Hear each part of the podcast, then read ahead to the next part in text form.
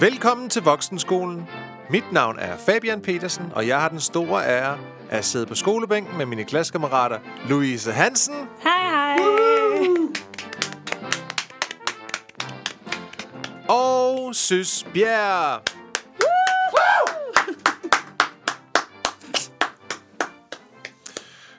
Voksenskolen er en podcast, hvor vi sætter os tilbage på skolebænken og lærer forfra. Og så er vi tilbage på frikvarteret og er til time igen. Ja. Hvad har I lavet ude i skolegården? Det er utroligt, at du stadig skal læse det højt. Jamen, jeg, jeg ved det. Ja, ja, det er rigtigt. Og nu fik vi lige vist, at du du kan var den 100 procent. Ja, du var så god sidste uge, Ej, så jeg blev helt thrown off. Øh, måske skal jeg starte, hvad jeg har lavet i skolegården, Ja, så. ja. gør så kan I lige tænke over, hvad jeg har lavet. Jeg har, øh, skulle til at sige, jeg har født tvillinger, men det øh, har jeg jo ikke rigtigt. Min bedste kammerat, han har blandt andet blevet far til tvillinger her i løbet af ugen. Så jeg har været, øh, ham han ringede til, når de, han var lidt sulten, eller, altså, ja, og, eller Faren. konen, faren eller moren. Øh, de havde glemt deres hjemmesko, eller øh, hov, vi har glemt at, øh, noget post, eller eller andet. Så jeg har sådan, sådan været udvidet pendler. voldt.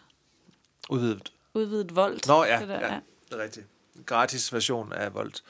Så jeg har været i pendulfart frem og tilbage mellem hans hus og øh, hospitalet for at sådan, skaffe ting og aflevere ting og lige sørge for, at overboen ved, at nu er de altså på hospitalet med for tidligt fødte tvillinger, så nu skal de jo være på hospitalet et stykke tid.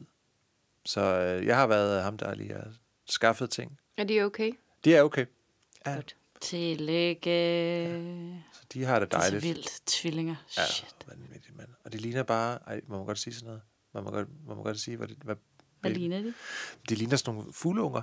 Nå. Sådan nogle helt små nogle, fordi de er jo tvillinger og lidt for tidligt fødte, så de er jo, vejer jo 1800 gram. Eller What? Sådan noget. De er jo sådan virkelig små. De kan ligge i en hånd næsten. Ja. Nej, de det er, er så små. Uh.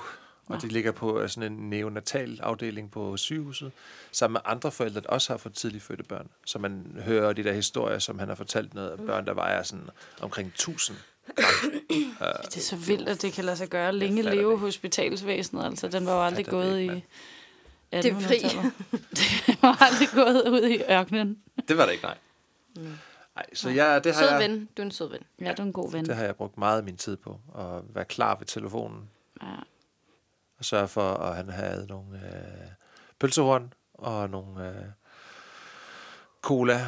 Det skal vi jo ting. have. Ja, ja. men jeg tænkte længere over, hvad er det, man gerne vil have, når man sidder deroppe i øh, sådan en hospitalstue, og ikke rigtig kan andet end måske få lov til at gå ned i 7-Eleven, som er på ride, tror Og så valgte du så at købe det, han selv kan gå ned Ja. og købe i 7-Eleven. Godt valg. Ej, så det er min uge gået med. Hvad med dig, Louise? Hvad har du lavet? Jamen altså, jeg har været i Paris. Åh, ja. oh, Ja, ej, det var verdens bedste tur at have gået 74,3 kilometer og oh. drukket 100 liter Bourgogne. Altså, det har været så godt. Og vi var faktisk nede i katakomberne Ja, igen. Ja, det var, det var altså ret skørt at være dernede igen. Altså, det var helt klart ikke samme oplevelse som første gang, fordi nu vidste man jo ligesom, hvad det var, man skulle ned til. Ja. Men det er jo vanvittigt, altså. og katakomben, det er jo, hvad, er- hvis du lige kan... Ja, men altså, det var jo... Er du ved at google noget nu? Ja, jeg kunne godt lide det Der nu. ligger, øh, jeg ved ikke, hvor mange, om der er flere millioner Jamen- af skeletter, der Jamen, er der ligger nemlig, der under. ligger nemlig, det var nemlig det, jeg ikke lige kunne huske, fordi det er sådan noget... Øh... Åh, oh, for Altså, det, har, det, fanden. det er det er tre- 6 millioner mennesker 6 millioner mennesker. fra mere end 30 kirkegårde i Paris, som blev tømt, fordi at de udgjorde en sundhedsskade. Nå, jeg troede, for det ikke Altså- havde plads til flere. Det var også derfor, men altså, det, blev, det begyndte at være sundhedsskadeligt, fordi der var så mange lig, der lå samlet øh, på, på et sted, så det var, det var for farligt, og der var for stor smitterisiko ved, at de bare lå der. Ja. Så var man nødt til lige at tømme dem, og så valgte man bare at lave noget rigtig vildt ud af det, de der gamle kalkstensgange. Så vanvittigt. Som de der knogler, de er stablet på sådan en Ja, meget, det er meget fin måde. Meget voksen Lego, det der. Ja, Men når man går dernede, og man sådan kigger på de der kranier, bare sådan, wow, du har været et, et rigtigt menneske, der har gået rundt. ja, det er det, der er så skræmmende. Det må have været så vildt at være familiemedlem og være sådan, nå ja, nu, øh, nu er Jens lige blevet begravet på den her kirkegård, og der kan han ikke blive, nu skal han ned og være pynt. Han hedder Jean. Ja, Ja, det var, Jens, han, øh, han var immigrant. Ja, ej, så det var helt fantastisk. Det var virkelig, virkelig, virkelig, virkelig fedt. Og mega intenst, og fik så vanvittig god mad. Og ja. var bare, det var bare pissefedt. Ja, det er sgu en lækker by. Jeg elsker Paris. Det var virkelig skønt. Og så har jeg fejret min fars fødselsdag. Nå ja, tillykke. I går, ja. Han er blevet 66, så nu er han dobbelt så gammel som mig. Jeg er 33. Nå ja. Det havde vi meget hyggeligt med. og øl. Hvad med dig, Sys? Har du haft en, øh, en god uge? Ja, jeg har haft en dejlig uge. Jeg Nå. har arbejdet en hel masse. Ja. Og også arbejdet på det, vi skal have om i dag. Okay. Har du været ude, og hvordan går det med pladen? Det går godt. Det går godt. Snart færdig. Det siger hver, hver gang. Men det er altså, det bliver snartere og snartere. Men Du er færdig med din vokal, måske? Ja, det er jeg. Nu skal vi lige lave... Min søster kommer over og synger noget kor. Nej, hvor fedt. Ja, Ja, det er genialt. Ja, hun har haft premiere på Svalegangen. Nå ja, i Aarhus. Ja. Ej, det er virkelig også spændende. Fantastiske anmeldelser. Fantastisk. Det kører for familien Bjerre. Det er talentbørn, det der. Ja. Bliver det for aldrig dårlige anmeldelser. Det er så sindssygt. Er du lidt træt af det? Ja. Nej. Ej, jeg synes, det er dejligt. Ej, det jeg tror også, at hun er så sej. Alright. Du ligner en, der gerne vil i gang, synes. Ja, så det er lad os fordi, jeg komme i gang. også øh, frygter, at jeg endnu en gang har bredt mig lidt for meget ud. Nå, jamen det, sådan har vi det jo hver gang, og så ender det alligevel med, at det er sådan At okay. det går. Ja, ja. Ja. Det håber vi, ellers må du klippe de kedeligste dele ud. ja okay. Vores, vores podcast det er sådan en hovedrengøringspodcast. Jamen, det er det. Jeg, jeg, kan faktisk, jeg gør rent hver gang til vores podcast. Og det passer sådan cirka. ja, det er så dejligt. Men det er jo så også kun to og et halvt værelse, jeg har Ja. at gøre rent. Jamen, Vi der skal faktisk nok lave nogle længere til folk, der har et helt hus. En huspodcast, simpelthen. Husrengøringspodcast. Men dem, der har sådan nogle store huse, de har au pair, og det er ikke sikkert, at de forstår vores podcast. Nej, det er selvfølgelig Mm, rigtigt. Men det gør også, at jeg bliver wow. til at høre, altså halvdelen af podcasten altid bliver hørt sindssygt højt, fordi det er, mens jeg støvsuger. Så jeg bare så skruer sindssygt op, for jer. I bare råber ind i mine ører. Undskyld. Det er fedt. Nej, nej, jeg kan godt lide det. Om, så lad os komme i gang, synes. Og du Ja. er jo øh, forberedt et eller andet til os, og du sidder med sådan en uh, Tintin-bog der, mm. hvor du har skrevet dine noter ned i. Det er en anden Ny Tintin, Tintin. et nyt Tintin Chatek. Ja, Kan I se, hvad det er, der er på? må vi lige se det en gang, så skal er tage et raketten. billede og lægge det øh, op på vores øh, sociale medier, så folk kan se det. Hvad er det, der er på? Det er en raket. Ja. Øh, jeg tænker, vi skal... Det er noget... rak- Ja, men undskyld, nu, nu tog jeg noget Ja, du næste skal bare step sige, allerede. hvad du tror, det bliver. Ja, når jeg ser sådan en raket, ja. så ved jeg ikke, om jeg er blevet... Jeg tænker øh, med det samme Elon Musk, så. Når jeg tænker sådan der, som han sendte et, øh, sin egen bil ud i rummet. Og han er i gang med det der Project X, hvor han sender raketter afsted i rummet, som kan lande selv igen. Mm. Men det er ikke det. Siger du Elon Musk? Elon Musk. Jeg aner ikke, hvem det er. Nå, okay, det er Tesla-biler. Nå, det er fordi, jeg synes, han skal hedde Tesla. Nå, okay. Ja, det hedder han ikke. Han hedder Elon. Ja. Elon. Det er altså et Elon Det er Elton uden T. navn. Ja, modtaget. Vi skal ikke have il- om Elon, men det er ikke helt ved siden af. Fordi vi skal have astronomi. Astronomi. Astronomi. Astronomy. Okay, det er den rigtige astrologi. Det er den anden, som man...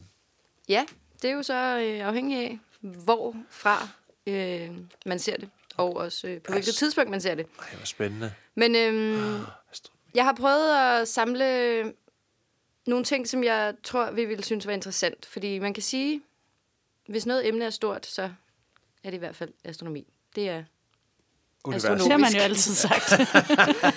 det er virkelig, virkelig, virkelig stort. Og øh, jeg blev nødt til bare at starte fra en ende af, som jeg jo også gjorde sidste gang. Og derfor så kommer vi heller ikke nødvendigvis så langt. Men vi kommer måske bredt.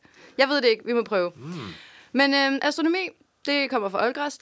Oldgræsk, ikke græst. Øh, og det betyder stjerne plus lov, skråstreg, regel. Det er en af de ældste videnskaber i verden. Og det giver jo meget god mening, fordi himlen er ovenover os hele tiden, og vi kan jo godt lide at kigge op på den og stille store spørgsmål.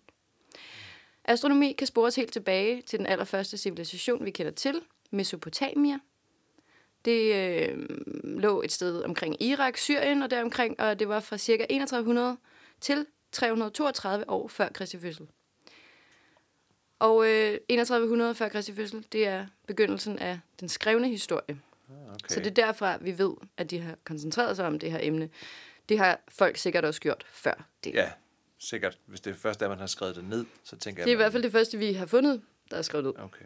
Men øh, fordi videnskab og mysticisme, skråstreg religion, mm. tro, den slags, ikke var så adskilt dengang, så er der også nogle relativt fantasifulde historier, der hersker. Øh, jeg kunne ikke gå ind i dem alle sammen. Der var alt muligt spændende med en buks, gyldne pels og øh, nogle Hva? andre interessante ting. Men, hov, så er vi over i astrologien. No. Og det er jo ikke det samme. Nej, det er det I ikke. dag, der vil vi holde os til det videnskabelige. Okay. Astrologien er jo også, altså nu siger du ikke det samme, men det er jo også at kigge op i himlen Ja, og finde og ting. det er også en, en øh, videnskab. Og i gamle dage var det faktisk den mest rigtige i gåseøjne. Astronomien var mere bare noget, man kunne beskæftige sig med for sjov. Fordi astrologien var øh, meget hjælpsom, fordi man kunne forudsige ting. Og Ja. astronomien, det var jo mere bare sådan observation af stjernerne. Hvad skulle man egentlig bruge det til, hvis de ikke kunne fortælle en, hvornår man skulle holde sin næste månefest? Sandt. Eller et eller andet, ikke? Men i dag ser man lidt anderledes på den sag, kan man sige. Vi starter bare lige helt basic. Ved I, hvordan vores solsystem Jeg er lidt allergisk Hun er allerede, overfor. hun er allerede blevet forvirret. Ved I, hvordan vores solsystem ser ud?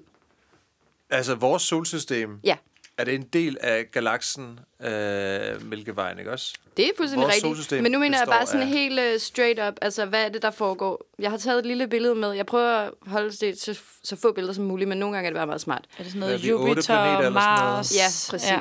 Og hvem er i midten? Hvem der er i midten? Hvad, for, hvad er i midten? Af vores? Solen. Ja, det er Ja. rigtigt. Ja, fordi, Det er vigtigt. Fordi i astrologien tænker man, før var det jorden, der var i midten, ikke også? Og så alle de andre planeter drejede sig rundt om jorden. Jo, det kan vi, vi komme ind på. Jeg kan Okay, bare lige sige helt kort, at øh, jorden er en planet, solen er en stjerne, Ja. og månen er en satellit. Satellit? Satellit? Nå gud, det vidste jeg ikke. Det blev jeg også forvirret over, da jeg læste det første gang. Men det er fordi, en satellit betyder bare noget, der kredser rundt om noget, som ikke er solen. Ah. Ja. Øh, eller det kan sådan set bare være noget, der er i omløb om noget, og øh, det kan godt være, altså vi tænker på satellitter som noget menneskeskabt. Men Ja. der findes også masser af satellitter, som er øh, naturlige. Okay. Men tror, ja, som vi kan se på det her... Nå, hvad vil du sige noget? Jamen, det er bare den der måne. Jeg troede bare, måne var betegnelsen for den. Ligesom man siger, øh, Jupiter har dens egen måne, og så videre. Ja. Man så, men, den Men har det- et navn. Ja, Så troede jeg bare, det hed måne. Jamen, vi har bare det- ikke rigtig fået et navn til den endnu. det er, hvor, det, er, det er en måne, men månen er en satellit. Okay, modtaget. Men ja, som vi kan se, så er solen jo i centrum, og så ligger vi og alle de andre planeter og cirkulerer rundt i den her rækkefølge. Solen, Merkur, Venus, Jorden, parentes vores måne kommer der efter, Mars, Jupiter, Saturn, Uranus, som jeg ikke kunne finde ud af, om jeg skal sige Uranus. Uranus. Hvad siger man? Uranus? Uranus. Siger man Uranus? Nu, nu er det helt tredje mulighed. Gud. Uranus. Uranus. Neptun og Pluto. Jeg har stået det her lille billede med øh, planeternes størrelse i forhold til hinanden, så man kan se, det er bare lige for øh, vildt, sådan, fordi det er ikke rigtigt på det her, det er tegnet øh, forkert størrelsesforhold. Jupiter er kæmpe, Saturn er også mega, Uranus rimelig stor, Neptun ret stor, Jorden mm, medium, Venus, Mars, Merkur og så Pluto helt lille. Ja. Ja. Gud, det er faktisk meget sjovt at se. Det er bare lige, så vi øh, kan huske det, når vi nu hører de næste ting. Okay. Og øh, som Fabian rigtig sagde, så ligger vores solsystem på Mælkevejen. Hmm. Hvor jeg så har skrevet parentes, Hestemælkevejen. Det er lækkert, ikke noget bedre, når man Nice har jokes, callback. skrevne jokes i parentes. Er det dejligt, ikke? Jo. Vores sol er en af mindst 100 milliarder stjerner på Mælkevejen. Wow.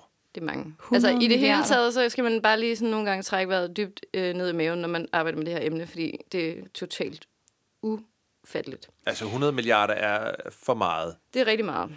Mælkevejen er en såkaldt spiralgalakse, og den er 100.000 lysår bred. Der har jeg skrevet, øh, fordi wow. Det kan jeg heller ikke rigtig fedt. Nå, men stjernerne i Mælkevejen ligger sådan fordelt i et system, der kunne ligne lidt en mølle, med ligesom fire store vinger. Og vi bor altså på den ene vinge, Hmm. omkring to tredjedel ud af vingen. Okay. Ja. Hvor meget er et lysår? Ja, det er jo det, ikke? Det er sådan noget der, det kan vi ikke gå ind i, så Nej. bliver vi væk. Så jeg har bare skrevet Forsvinder vi i et sort hul? 100.000 lysår bred ø. Okay. Ja, er Universet er er beskrevet sådan her på NASA's hjemmeside, og de må vide, hvad de taler om. Og jeg siger det på engelsk. The universe is a vast expanse of space which contains all of everything in existence. The universe contains all of the galaxies, stars, and planets. The exact size of the universe is unknown. Scientists believe the universe is still expanding outward. Hvordan får I det, når I hører sådan en beskrivelse? Oh, jeg synes, det er så lækkert. Altså, det er lækkert. Du, du gik lige op sådan en, en halv tone op mm. i uh, stemmen. Det var min skolelærerstemme. Ah, Okay. Uh, det var sådan en uh, PA, altså sådan uh, anlæg, der kommer ud over anlægget, den stemme, mm. når man står ved, på og venter på toget eller sådan noget. Jeg kan bare så altså den der lille? sætning, Ja, det var jo... it contains all of everything in ja, existence. det, er den, det er den, jeg holdt fast i også. Det var jo... Det er den der skræmmende at tænke på. Det er jo... Det lyder også bare lidt fjollet, eller det lyder absurd. Altså, hvad, hvad er der så? Hvad er resten? Men der er ikke der, er resten. ikke, der er jo ikke resten. Det er Nej, det er jo det, der er jo ikke resten. Vi ved det jo ikke. Åh, oh, ja, det er hårdt. Der er nok nogen, der vil mene, der er mere end det. Skal så det siges. Folk, Det er der måske ikke tror så meget på astronomien, måske tror, at det ikke er bare er noget, der lige tilfældigvis er opstået. Mm. Jamen, det, øh, det, vi kommer faktisk til noget øh, om det om lidt. Nå. Men øh, vi bliver lige på den- NASA's hjemmeside, fordi den er meget spændende. Der står rigtig mange øh, ting, og jeg vil bare lige lave en kort top 7 over dem, jeg synes, der var mest vigtige for Mm, os. Fedt. Mm. Er der en drumroll eller sådan noget, vi skal have til? Brrr. den? Nej, det er det ikke. Nummer et. Mælkevejen er bare en ud af milliarder af galakser i det voksende univers. Jamen, det er for vanvittigt. Det var Edwin Hubble, parentes, som vi vil høre mere om. Og så har jeg skrevet med blyant løgn, fordi det kommer vi ikke til. jeg troede på det tidspunkt, vi kunne nå det hele. Det kan vi ikke. Øh, men det var altså ham, der opdagede dette. Før i tiden troede man selvfølgelig, at vores, sys- øh, vores eget solsystem var hele universet. Mm. To. Vores solsystem består af en stjerne, parentes solen, otte planeter og uendelig mange mindre dimser, såsom asteroider, kometer og dværgplaneter. Pluto er for eksempel en dværgplanet, mm-hmm. og Jupiter er vist også nærmest på papiret en, en dværgplanet. Nå, Okay. En dværgplanet er en relativt ny klasse øh, af objekter i solsystemet, som blev indført først i 2006. Jeg vil gerne gå i mere detaljer med dem, men øh, det gør vi ikke. Okay, nu læser vi bare videre. har- Vil du gerne vide, hvad Nej, men jeg har aldrig helt forstået, hvad det der, når der pludselig lige pludselig røg ud af den der øh, øh, klikke med planeterne, fordi Ja. lige pludselig var en dværgplanet, og jeg har aldrig helt forstået, hvad det betød. Det er fordi betegnelsen er indført samtidig med, at man vedtog definitionen på, hvad en planet er. Mm. Dværgplaneter er ikke, som navnet måske ellers antyder, en type af planeter, men en helt ny kategori. Dværgplaneter er defineret som himmellegemer, der 1. kredser om solen, det vil sige ikke er måner eller eksoplaneter. 2. er tunge nok til at trække sig selv omtrent mm. rundt, øh, rundt ligesom en planet. Mm. Og 3. ikke har renset i øh, gåsøjne sin bane for materiale, modsat en rigtig planet. Alle objekter med bane omkring solen, og som ikke er enten med i denne gruppe eller kategorien planeter, benævnes smålegemer i solsystemet. Okay. Og det er derfor, Jupiter øh, er på vej, eller sådan semi burde være en dværgplanet, fordi den ikke har renset sin bane. Hvad betyder det? Jamen, det, det er meget kompliceret, men det er jo sådan noget med, at øh, altså, rundt om... Nej, vent, vi går ikke ind i det her. lige. Okay, Nej. Sorry, der kommer mere om det senere. okay. Der findes, nummer tre, der findes vildt mange måner i vores solsystem. Vi har en enkelt, men mange planeter har flere. Nogle kometer har endda deres egne måner, og i alt er der mere end 200. What? Nummer 4. 95 procent af universet er såkaldt dark energy og dark matter. Mm. Resten, det vil sige alt her på jorden, de andre planeter, stjerner og alt det andet halvøj, udgør de resterende 5 procent. Nummer 5.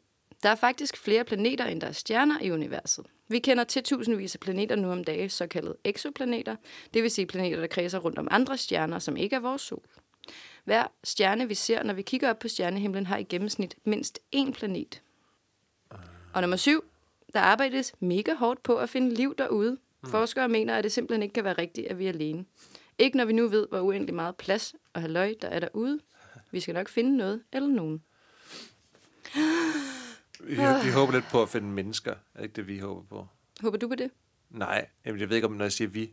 Jeg ved ikke, hvem du mener, når du vi. Par, Det der med at finde også. liv, altså der, der skal jo, altså, man har jo fundet vand på Mars, og mm, der må jo være et eller andet. Ikke? Det er jo det, man tænker. Men altså, det, der er jo også rigtig meget, der tyder på, at nogen har fundet os. Ikke? Altså, Øj, øj, øj. Nå, men den, lige præcis den der, den kommer vi også til lidt senere. Mm. Men øh, det var lidt øh, voldsomt, så nu kommer vi lige ned på jorden igen.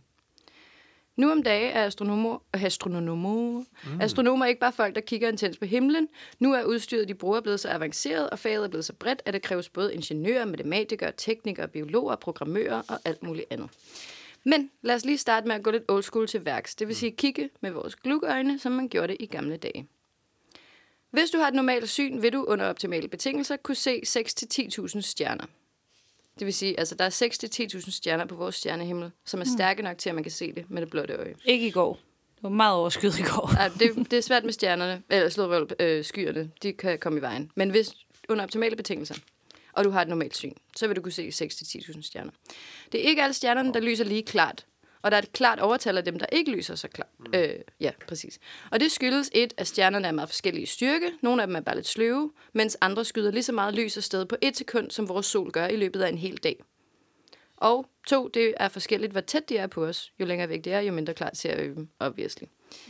Den gamle græker Hipparchus var den første, så vidt vi ved, til at lave et katalog over stjernerne. Han satte dem i system efter lysstyrke, og det var delt ind i seks styrker eller magnituder. Mm. Første magnitude var stærkest. Vi bruger stadig den slags inddeling i dag. Nu går skalaen dog helt til 31. På niveau 31 skal man have fat i Hubble-teleskopet for at kunne se noget. Det nøgne øje kan kun se stjerner, som er 10 milliarder gange stærkere. Så det er et ret avanceret system. Den stærkeste stjerne på nattehimlen er Sirius, eller hundestjernen, har jeg skrevet med meget store bogstaver. Men det er fordi, de siger The Dog Star, når man fordi- læser om det, eller hører om det på engelsk. Ja, jeg ved ikke helt. Hundestjernen. Den er cirka 1000 gange stærkere end den svageste stjerne, vi kan få øje på. Derudover er der Vega-stjernen, som ser blå ud, og Betelgeuse-stjernen, Betelgeuse, som jeg fandt ud af øh, senere hed, betød Armpit of the Central One. Det gør det mindre uhyggeligt at sige det i spejlet, på en eller anden måde. Hvis du siger Beetlejuice tre gange ind i spejlet, kommer der bare en kæmpe armhule. one. Ja, Det er meget mærkeligt. Det er altså hans armhule. Og den ser rød ud. Arcturus ser orange ud, og Capella øh, ser gul ud. Og det er rent faktisk de farver, stjernerne har. Det er kun de stærkeste stjerner, som ser ud til at have farver. Men det er fordi, vores menneskeøjne er bedre til at opfange lys end farver. Så vi kan ikke... De fleste stjerner ser ud til at være hvide, men det behøver de ikke at være. Hmm. Når vi ser på stjernerne, ser vi også, at de ikke er jævnt fordelt ud over himlen. De hænger sammen i former eller mønstre. Og så er det så, at øh, det du nævnte før, det forstår vi nu som værende tilfældigt, var der i hvert fald en videnskabsmand, jeg så sige, hvor man så tænker, ja, medmindre man føler, det er Guds værk. Ikke? Mm. Men det forstår vi nu som værende tilfældigt. Men da mennesker elsker og er gode til at opfatte mønstre, så er det ikke underligt, at de første astronomer opdelte stjernerne i konstellationer og navngav disse efter ting, de kan til. Nu kommer der lige lidt billeder. Vi kan, øh, jeg prøvede... Hov, oh, Karlsvognen. lige ved at vente øh, mit vand ud over det hele. Orion er nok den mest kendte af disse. Det er et stjernebillede, som ligner en person, der står klar til at skyde med sin bue. Her. Nå, Det kan Ja, vi den godt kan jeg aldrig finde. Nej, den er, men den, den ligner meget godt, ikke? Jo. Det er jo meget sejt. Så er der bare mange af de andre, som ikke rigtig ligner det, de hedder. Der er for eksempel Delfinus, der skal ligne en delfin, der springer ud af vandet. Det ligner mere en drage. Det ligner et flag, ikke? Også et flag. jo, det ja. gør det, ja. Og så er der øh, Pisces, altså fisk, øh, fiskestjernetegnet. Det ligner ikke en fisk. Jeg ved ikke, hvad det ligner. Det ligner bare en pind. Og øh, en Pindefisk. cancer, som ikke ligner en krabbe heller. Det, Nej, det ligner mere sådan en, man bruger til at finde, øh, finde vand, vand med. Jeg vidste det, jeg vidste, du ville sige det, ja. En pilekvist. Øhm, det gør jo ikke så meget. Altså, I dag er vi enige om 88 officielle konstellationer. Nogle af konstellationerne går ind over hinanden og deler ligesom nogle stjerner. For eksempel er Karlsvognen, som vi elsker, en del af Storebjørn, som vi kan se her. Øh, det er jo en, tydeligvis en bjørn, som har en bjørn. en meget lang hale. Nå, jeg troede er faktisk, den vendte den anden vej. Jeg Jeg troede, det der var hovedet. Ej, det, Det er ligner lidt... ja, en, at det er benene det der, og så løber den afsted. Altså, det ligner altså mere en hejhest. Ja, men udover det har en bjørn jo slet ikke en hale. Så de må have været bedre til astronomi end zoologi. Den Jamen, og vi er sikre på, at det ikke har et langt, tyndt hoved, fordi det ligner det også lidt. Og så den spidse oppe, det er halen. Og så Den benene, der sådan dingler lidt efter den. virkelig et tyndt hoved, så. Ja. Men det er jo fordi, at, hvorfor er det hed, ved du, man, hvorfor det hedder de her forskellige ting? Storebjørn og det der ting. Ja. Men det har man jo synes, de lignede. Nå, okay. Det er meget fantasifuldt. Ja, det er det. Ja. Nå, men de fleste stjerner har navn på arabisk, for dengang i The Dark Ages uh. var Europa ikke så langt fremme i skoene, rent videnskabsmæssigt, sjovt nok. Men den persiske astronom Abdal Rahman al-Sufi oversatte de gamle græske tekster til arabisk. Han er en kendt muslim-astronom. En ud af de ni mest kendte muslimske astronomer. Det Er det er... vigtigt at, være, at, at det er muslimsk astronom? Nej, det ved jeg ikke. Det var bare, fordi jeg havnede inde på en eller anden, øh, en eller anden hjemmeside, hvor øh, det blev meget... Øh, det var en, det var en hjemmeside, der hedder mu- muslim, men med V. Muslim.com. Nej, i stedet Eller for sådan noget. Ja. Ligesom Øhm. Bulgari. ja, jeg ved ikke lige om... For Jeg, tænker, jeg nu har er- sådan alt mulig overvågning på mig. Det tror jeg er blevet sådan helt radikaliseret, men det var bare en hjemmeside, hvor muslimer deler sådan fede facts om muslimer. Sådan, hey, vidste I alle stjernerne har navn på arabisk, fordi der var en rigtig fed muslimsk astronom, der gjorde ja. det her dengang. Så, nej, ej, hvor nice. Her PS, der er også øh, otte andre, der er også fede til det. Præcis. Ja, ja, men det er jo ikke anderledes, end at der også er jo en hjemmeside for Amager, hvor vi kan fremhæve fede ting, folk fra Amager gør. Amager med... Nå, men der er alt for mange stjerner, og der er slet ikke nok fede navne, så astronomer begyndte at bruge andre betegnelser for at holde styr på dem. For eksempel så kunne de finde på at kalde dem navnet på den konstellation, de indgår i, for eksempel Orion, og så et ord for at beskrive, hvor stærkt stjernen lyser. Alfa for den, der lyser stærkest, altså Alfa Orio, Orionis, og Beta for nummer to osv. Men man løber også hurtigt tør for bogstaver, så de fleste moderne kataloger bruger bare tal. Det er lidt kedeligt, men det er svært at løbe tør for. Orion 1, Orion 2. Nej, bare øh, 6, 7, 10, 12, 15, Nå, uden 9. ord, ja. Altså, ikke nogen navne, mm. bare tal. Det er lidt kedeligt. Nu kommer der lige en lille, lille paragraf, som jeg har indregnet, øh, hvad hedder sådan noget, indrammet med en øh, gul tus, fordi at det er, jeg har ikke noget med noget andet at gøre, men det var bare noget, jeg lige ville sige. hvis du havde indregnet den i øvrigt. Jeg har indregnet den. Det er bare øh, en lille public service announcement. Lysforurener. Lysforurening ja. er et stort problem. Ja. For øh, nok særligt hobbyastronomer. Jeg har bare skrevet for astronomer, men jeg tænker, de fleste professionelle astronomer har et fedt sted, de kan observere stjernerne. Men øh, det er, lysforurening er jo alt det lys, der kommer fra for eksempel shoppingcenter, reklamer, eller i det hele taget alt lys, der peger opad, i stedet for at pege nedad. Det er faktisk umuligt at se Mælkevejen inden for en by, fordi der er så meget lysforurening. Mm. Og det er altså ikke kun os mennesker, der bliver påvirket af lysforurening. Der er også mange nataktive dyr og insekter, der bliver forvirret af alt det lys. Mm. Og derfor er der opstået mange organisationer, som forsøger at få os alle sammen til at bruge mere ansvarlig lyssætning. Mm. Fordi himlen er vores allesammens. Okay. De har sådan en dæmmer på sit lys. Ja, der er jo også øh, på, er det ikke Møn, der har sådan noget øh, dark sky vandringer eller sådan noget. Mm, Der er nogle steder, hvor vi også i Danmark prøver at styre. Er det derfor, man har observatorier sådan lidt oppe altid? Ja, eller i hvert fald på meget Der øde steder. Observatorium. hvor at der ikke er, øh, hvor der ikke er, er byer i nærheden. Nå, men når vi ser på nattehimlen, hvis det ellers kan lade sig gøre for hjemmeskilt, så ser vi også, at en del af stjernerne ser anderledes ud end de andre. Og det kan man for eksempel se, de øh, ikke blinker, eller twinkler. Mm. Det er fordi, de ikke er stjerner, men planeter. Stjernerne ser ud til at blinke, fordi luften over os er turbulent og kommer i vejen for stjernernes lys. Det får dem til at se ud, som om de skifter position og lysstyrke flere gange i sekundet. Planeterne er meget tættere på os, og derfor er effekten ikke lige så kraftig. Okay. Der findes fem planeter, som vi kan se med vores små øjne, ud over jorden, som vi kan se, hvis vi bare kigger ned. Mars, Mars, Mars. Merkur, ja. Venus, Mars, Jupiter og Saturn. Uranus er lige på grænsen. Du skal have rigtig gode øjne for, og rigtig gode forhold for at kunne se den. Venus er klart den øh, nemmeste. Jupiter og Mars lyser ofte stærkere end de stærkest lysende stjerner, så de tre er sådan rimelig okay. Og hvis man bliver siddende uden for et par timer et godt sted på en stjerneklar nat, så vil man jo lægge mærke til, at stjernerne, eller faktisk hele himlen, bevæger sig. Det var sådan, man tænkte for det i gamle dage. Mm. Nu ved vi jo, at det er jorden, der bevæger sig rundt, men det ser jo ud som om, at himlen bevæger sig rundt om os, fordi vi sidder fast på jorden. Den eneste stjerne, der ikke ser ud til at bev- at bevæge sig, det er Polaris eller Nordstjernen, fordi den er stik nord, og det er noget med jordens akse og den måde, vi roterer rundt på. YOLO har jeg skrevet, skrevet fordi oh. jeg ikke ville gå længere ind i det. Ja, okay. Bare sådan en form for YOLO punktum. Præcis. Jorden er et år om at komme hele vejen rundt om solen. Derfor er det meget få ændringer, der sker hver dag. Men der sker dog nogen. Hvis man kigger på himlen intenst og lægger mærke til for eksempel en bestemt stærk stjerne over nogle ugers tid, så vil man kunne se, at den ikke dukker op det samme sted på himlen hver nat. Eller man kan se måske Karlsvognen vandre hen over himlen. Det samme gælder planeterne, men de er lidt svære at holde styr på. Alligevel, det græske ord planet betyder vandre. Nå. Når man ser på en globus, som vi kan kigge på, hvis vi kigger bag os, så kan man se, at den er lidt skæv. Den sidder jo ikke lige ret op og ned. Det er, fordi vores jord er lidt på skrå. Mm. Den spænder rundt om sin egen akse en gang om dagen og rundt om solen på et år. Og så hælder den faktisk 23,5 procent. Ja, og den er heller ikke rund, som sådan den her globus er vel. Den er ikke sådan lidt mere æggeformet.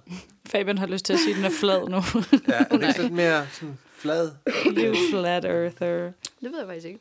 Jeg tror ikke, den er sådan helt sfærisk. Det vil ikke være, det vil ikke være underligt, hvis den ikke var sådan helt øh, kugle rundt. Det tror jeg ikke. Fordi jeg læste et sted, at det, øh, grunden til, at vi hælder, det er fordi, at et objekt på størrelse med Mars kolliderede med vores jordklode, jordklode for 4,5 milliarder år siden. Og da det skete, faldt der en fli af jorden, og det er så det, som blev til vores måne. Og vi blev lidt skæve. What? Ja. Kom Det her- igen. Så det, der faldt af, blev til vores måne. Det var fordi jordens tyngdekraft ligesom det fik en ordentlig gonk, og så røg der noget af, men så holder den det månen i øh, orbit rundt om os. Altså, så det, der faldt af, jeg skal simpelthen lige høre det igen, det, der faldt af, blev til vores måne. Ja, det er vores måne. Hvordan er månen så blevet så rund? Jamen, det er spændende. Det ved jeg heller ikke. Men er det så, fordi den bare ligger deroppe, og så bliver den lige slidt lidt, Måske. hver gang den drejer rundt? De Det er ligger jo ikke og vildt. laver ingenting. Det er jo også det der med at rense sin øh, bane og sådan noget. Altså, det er jo alt det der med de Jamen, de er jo også alle sammen øh, runde. Det er jo underligt, at der ikke er nogen af dem, der er Det må være ligesom med sten i havet. Det ved jeg faktisk ikke. Jeg har slet ikke øh, kigget på noget som helst med, hvor runde vi er eller ikke er. Nej, nej, det er også fair nok. Jeg kom bare lidt til at tænke på. Ja, men det er et godt spørgsmål. Men øh, det har en enorm stor betydning for vores planet. Hvis vi forestiller os, at jorden var helt lige på sin egen akse, det vil sige drejet rundt øh, øh, op og ned, øh, eller helt straight hver dag, så ville det hov, betyde, at solen ville tage den samme rejse på tværs af himlen. Hvis du boede lige på ekvator, så ville solen stå op og gå lige hen over dit hoved og gå ned igen på den anden side. Men hvis du var på nord- eller sydpolen, ville solen gå rundt i horisonten hver dag og hverken stå op eller gå ned. Men det er jo ikke sådan, det er. Jorden hælder, og i månederne juni og juli er jordens nordpol tiltet imod solen, og seks måneder senere er det modsatte tilfældet.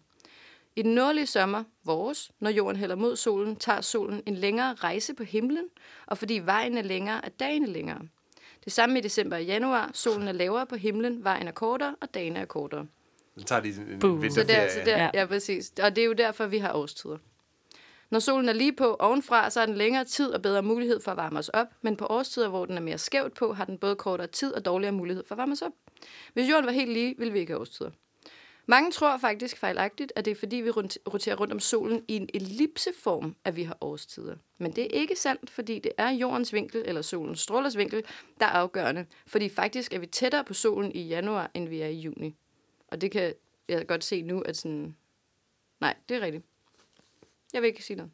Nej, men det giver også rigtig god mening. Altså sådan noget forårs efterårs lys er jo Ja. meget mere magisk. Ikke? Vi, har den, vi har den lavere, så den giver nogle helt andre farver, fordi den er så tæt nede på træerne og de røde blade, og sådan, i forhold til om sommeren, hvor den står vildt højt på himlen og bare bager.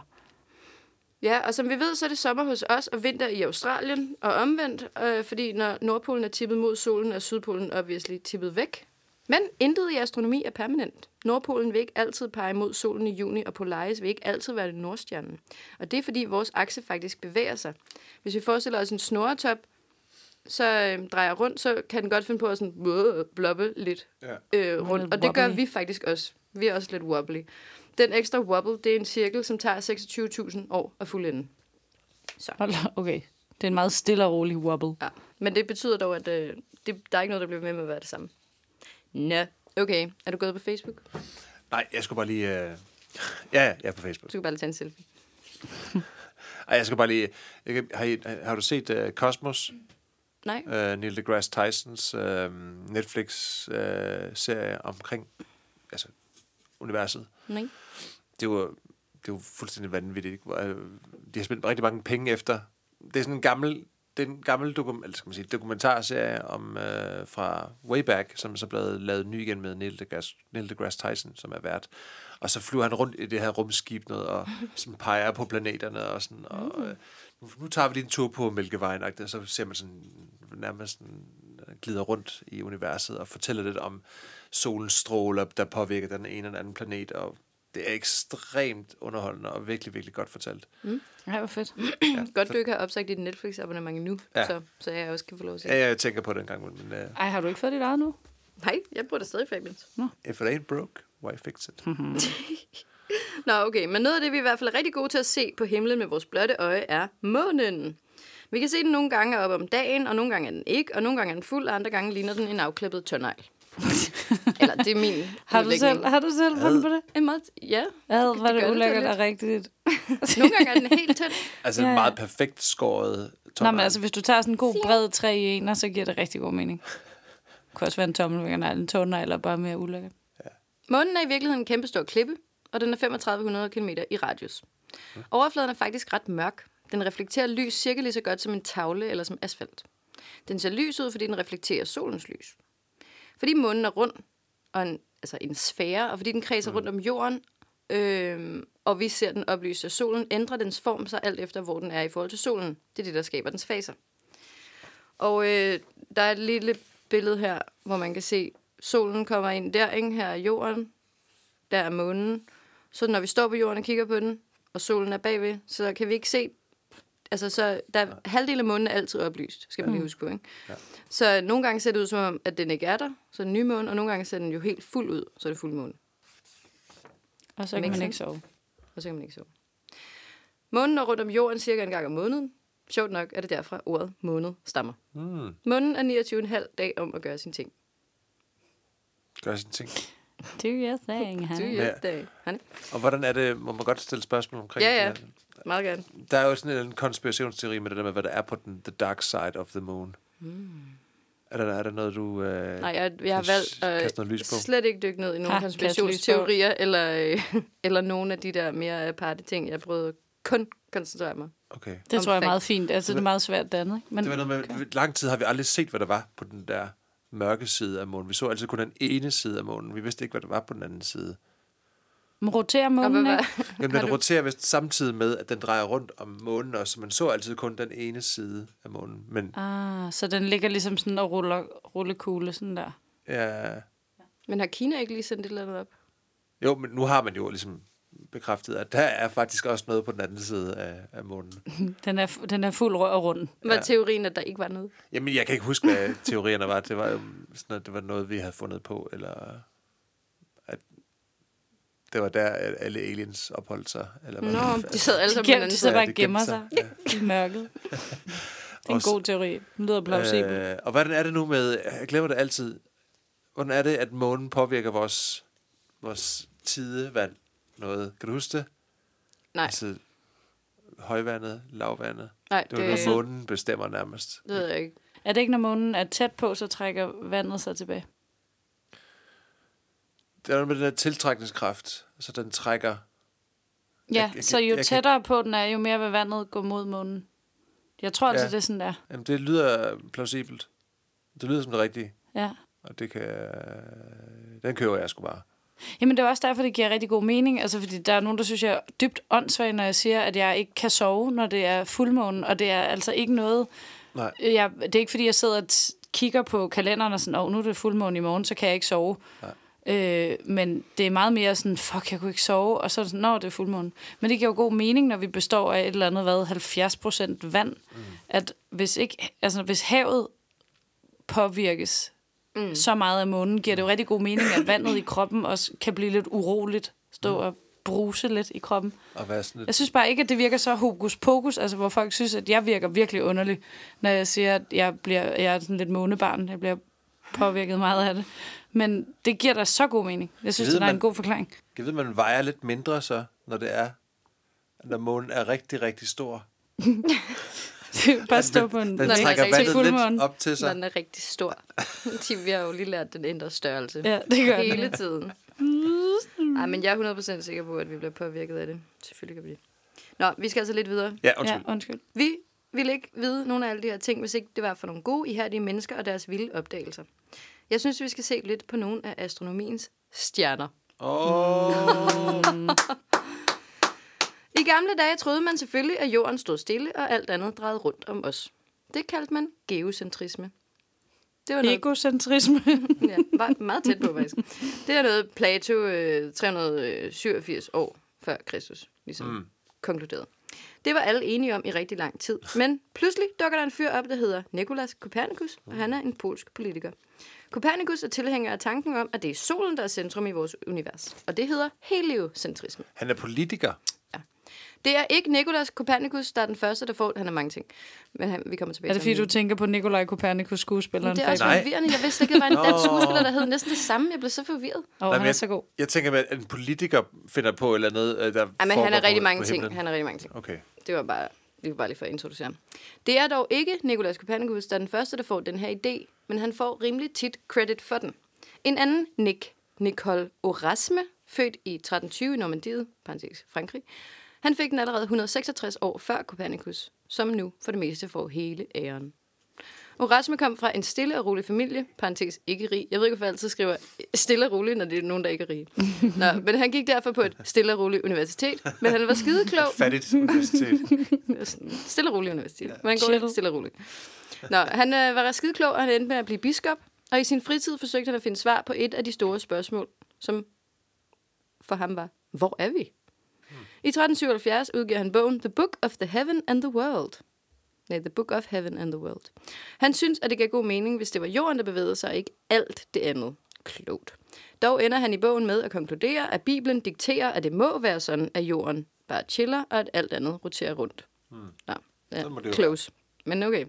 Erasmus kom faktisk op med rigtig mange virkelig gode matematiske formler og teorier, som nok kunne have været hjælpsomme, men han får ligesom ikke rigtig gjort så meget ved det, og folk omkring ham virker heller ikke særlig interesserede, så det er ligesom først bagefter, man finder ud af, at han havde Han i regnet noget. nogle fede ting ud. Men Ja. han, han, han får ikke ligesom gjort noget ved det. Okay, jeg får skrevet det ned i det mindste. Ja, ja, det gør han så. Er Men ud af det, så kommer det ikke så langt. Lidt over et århundrede senere kan, øh, kommer et andet matematikgeni, nemlig Copernicus, og han beskæftiger sig med mange af de selv samme ting som Erasme, dog med et ret meget mere radikalt resultat. Copernicus starter nemlig det, vi i dag kalder den videnskabelige revolution. Og en videnskabelig revolution sker jo, når der over en periode er opstået flere og flere problemer, eller det vil sige ting, der ikke passer ind i det på det tidspunkt gældende system. Og så bliver det til sidst så crazy, at man bliver nødt til at lave helt lortet om. Ja, man må så gentænke det hele. Okay. Copernicus er født i 1473 i det, der nu hedder Polen, ind i en familie af rige købmænd. Han havde en fed tid, han gik på nogle gode skoler, han talte højst sandsynligt både polsk, latin, tysk, græsk og italiensk.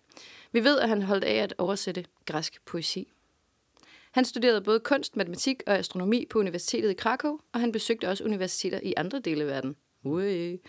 Han begyndte også at studere medicin, og han endte faktisk med at bruge det meste af sit arbejdsliv som en form for huslæge og revisor. Fed kombination. For rige familier i Polen. Han laver selv sin faktura, når han har været læge. Så var sådan, skal jeg lige fjerne din litorn og lave din forskudsopgørelse? Præcis. Copernicus mente ikke, at noget af det, de foregående tiders astronomer holdt på, gav nogen mening, så han foreslog en model, hvor jorden drejer rundt om sin egen akse på 24 timer, og rundt om solen på et år. Rimelig spot on. Mm. Han skriver første gang om det her i sin bog Mini-kommentar i 1514. Mini-kommentar er Copernicus 41 år. Copernicus gik lidt stille med dørene, da heliocentrisme blev anset for at være en ren og skær blasfemi. Men Copernicus får besøg af sin gamle matematiklærer Reticus. Nu prøver jeg at tale som dig, for jeg ved ikke hvorfor. Og, han, og det er også bare fedt, at hans matematiklærer hedder Reticus. Reticus. Ikke? Kunne det være mere? Ja. Men han overtaler ham til at gå public med det shit.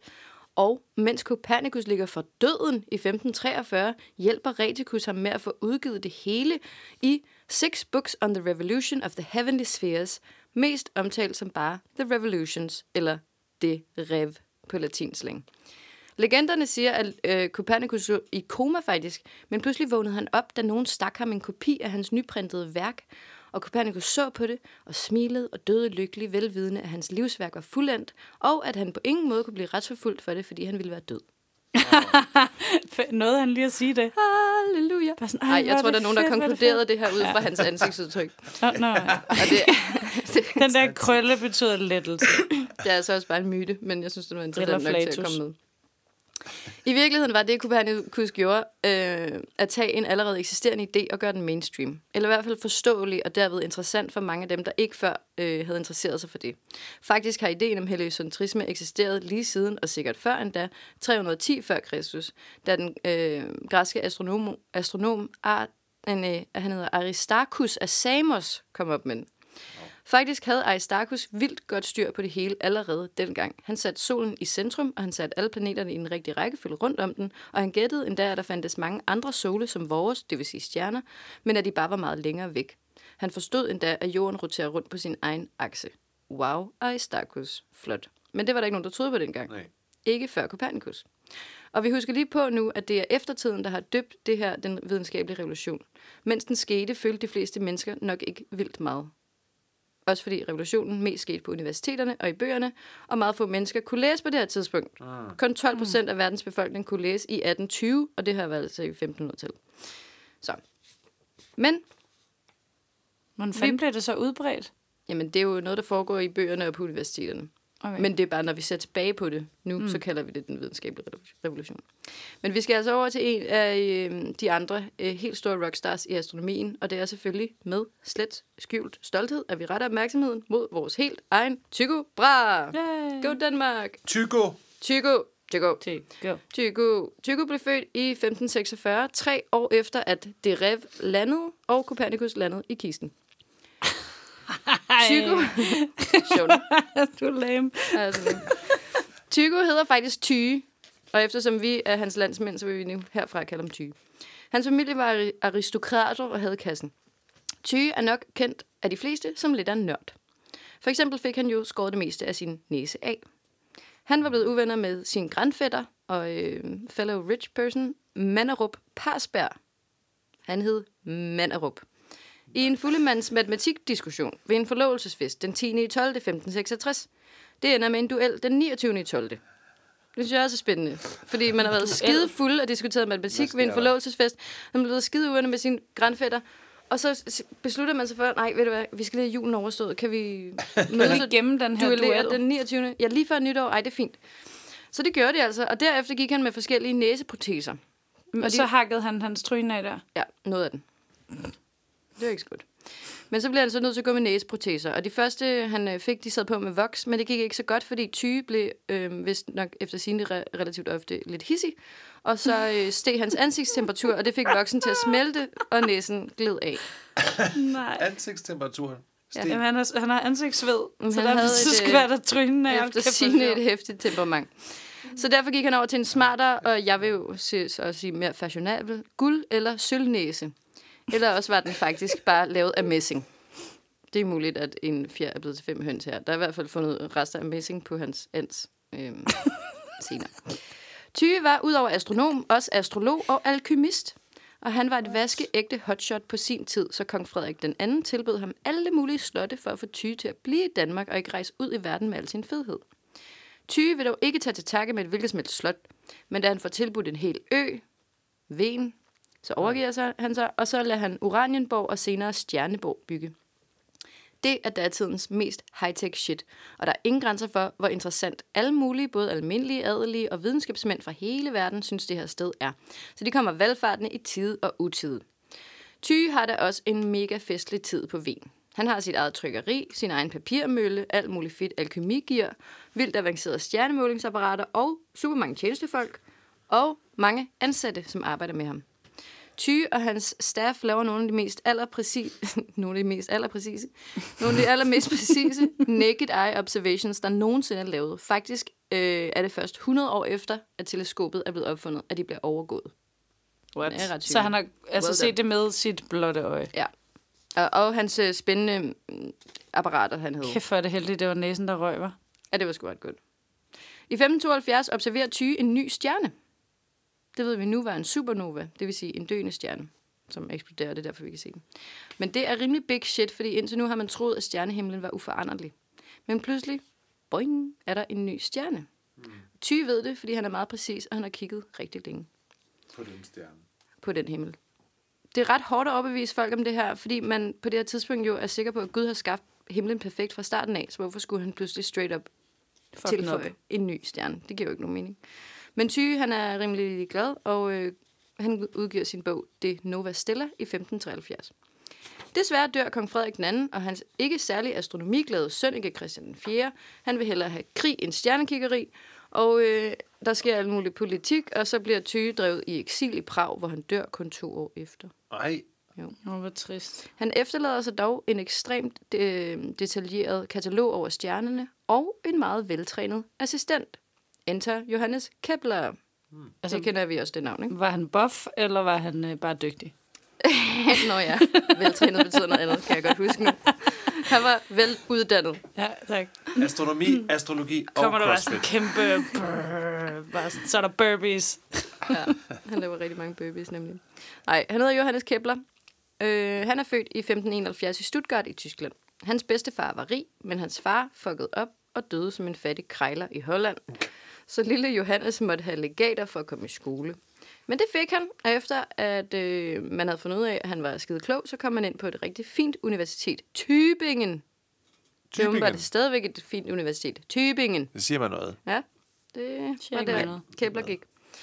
Efter han er blevet færdig i skolen, arbejder han lidt som matematiklærer, og så bliver han Tyges assistent. Og Tyge er bare så vild med Johannes, at han deler alle sine allermest hemmelige ting med ham. Kæmpe bromance.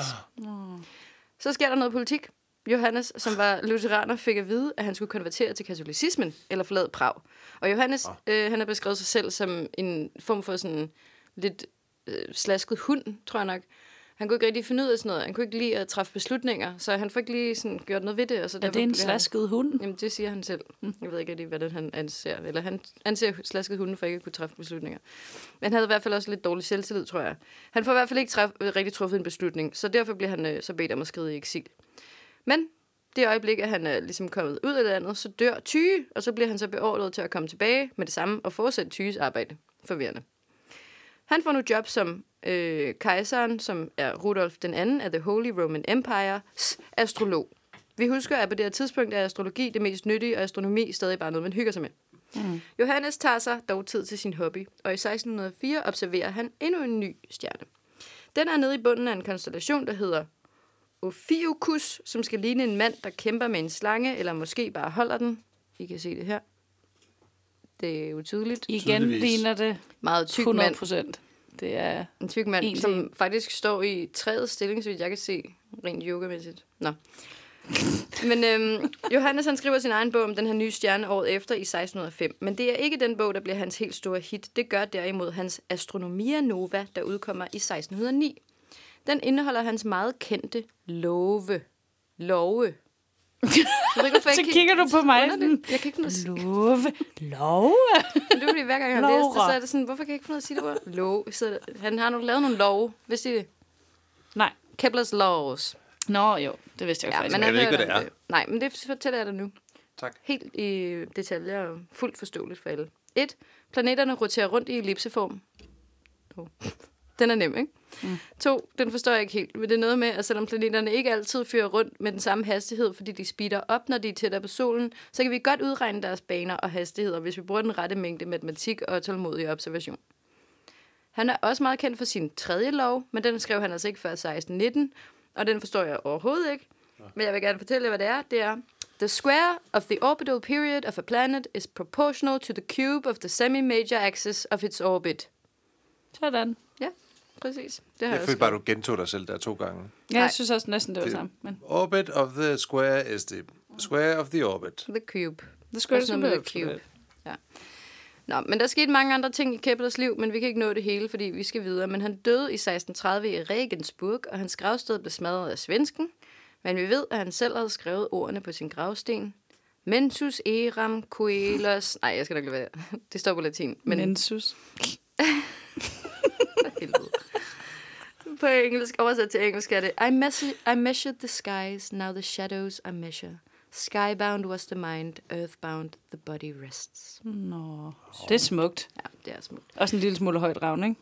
Jo. Men altså, Men han var Smukt. en, en poetisk hund. Uh, I øvrigt var hans mor, Katarina Kepler, heks. Nå, Johannes reddede hende fra henrettelse i 1605. Står det på hendes LinkedIn? så var han sgu da ikke en slasket hund, hvis han Nej, redder jeg hende synes også, han fra... var en god, en good kid. Han, en fik god hund. faktisk universitetet til at hjælpe ham med at få hende ud af... øhm, Eller Flammerne. Til at vinde øh, retssagen. Nå. Så det var meget fedt. Nu kommer vi altså frem til astronomiens virkelig, undskyld, tyge, supernova. Kan I gætte, hvem det er? Hvad for noget? Prøv lige at stille spørgsmål en gang Vi til. kommer frem til en, en ny astronom nu. Nå, som ikke er tyge. er meget kendt. Jeg kan kun komme på tyge lige nu. Og det er jo... Er Er det- det, er er det- Mozart? Er det en dansker? Nej, det er det desværre ikke. Nå. Han er i, Okay, giv lidt han er i Pisa. Fra Pisa. G. G. Man kan kalde ham. GG. Han er også med- Ja, præcis. Galilei. Ja, smukt. Han er også med i en eller anden dansk Wow. børnebog, er han Ret vildt, at han, han har, altså forældrene har givet ham næsten det samme fornavn, som han havde til efternavn. Ja. Ikke? Min skoleinspektør hedder Søren Sørensen. Ja, okay, det Der kan man godt måske. Galileo, Galilei. Ja, Kan man det er en måske. Queen-sang. Han er, jamen, han er også med i den der øh, Bjarne Reuter-bog. Er han ikke? Hvad for den en- der Bjarne en? Reuter-bog. Med Altså- løven. Nå, jo, Det det tror tror jeg, jeg, det tror jeg sgu, han er. Ja. Nå, men han er født i 1564 i Pisa. Han bliver nu kaldt for den moderne videnskabs fader. Mm. Men Nå. vi koncentrerer os lige om hans arbejde med stjernerne. Og i 1609, 1609 får Galileo fat i et telos... Nej, jeg taler dårligt. En telefonoskop. En telefon, hvilket var meget mærkeligt. Og så begynder han ringe. Nej, han fik fat i et teleskop. Men jeg synes ikke, det er så skide godt, det teleskop. Så han bruger faktisk rigtig mange år på at forfine den her teknik. Og det gør bare, at vi får nogle endnu bedre observationer. Øh, og han er bare pissegod med teleskoper. Og i 1610, der dropper han sin bog Siderius Nuncius. Mm. The Starry Messenger. Her deler han sine teleskopobservationer, øh, beskrivelser af vores måne og af stjernerne rundt om Jupiter, hvilket vi nu ved er måner, men det var stadigvæk flot. Og det er en ret vild bog, fordi den indeholdt observationer, som det aldrig før havde været muligt at foretage. Det var pure teleskop greatness. Og der var også nogle rigtig fede tegninger i bogen, fordi Galileo havde studeret tegning. Nå, det kan jeg ikke finde ud af, hvad den... Han, var, han er gået til tegning. Hvad hedder det? Kunst. Han er mal. Han var pissegod til tegn. Han tegnede for eksempel... lavet kroki. Ja, ja det fortæller han sikkert også gjort. Men her, der tegnede han altså for eksempel kraterne på månen, og sådan nogle ting, man ikke havde vidst før. Og øh, den bog, The Starry Messenger, blev et ultimativt opgør med den gamle måde at se tingene på, fordi Aristoteles havde bekendtgjort engang, at en planet ikke kunne være i omløb af en anden planet, undtagen jorden, og det her gjorde Galileo nu til skamme. Kirken okay. synes, at Galileo var lige lovlig langt Ja. frem i skoene, og han øh, blev faktisk forbudt at udgive mere nonsens. Men han fandt et hollandsk forlag og for, fortsat ufortrødent. Wow, hvor vildt, at kirken kunne bestemme det dengang. Altså, der har været, øh, der har været lidt mere gennemslagskraft end nu. Ja, yeah. Der er nogle ret grinerende øh, videoer på YouTube omkring de her ting, og der er også meget, øh, mange forskellige takes på det, men, men øh, ja, der, der er helt klart Ej, jeg bliver nødt til at sige noget ting. dumt, som jeg hørte i radioen i morges. Hvad er det? Hvor, øh, åh, hvad fanden var det nu for et program, det er egentlig også lige meget, men hvor, øh, hvor der er en indremissionsk præst, der er blevet interviewet, som siger sådan, jamen det er jo svært at få de unge til at være indremissionske nu, fordi der er så meget andet, de kan lave. Hvor jeg sådan, ja, de vil bare hellere gå til ridning, eller boksning. Hvad, sådan, hvad snakker du om? Det er bare sådan, no insight at all. De har alt for mange... Øh... Der er for mange muligheder. Ja, ja, præcis. Men det var der så ikke dengang, jo. Øhm, Der havde de masser af nej, magt. Nu er det bare svært at få. og øh, kirkens jernhård greb omkring folks tro.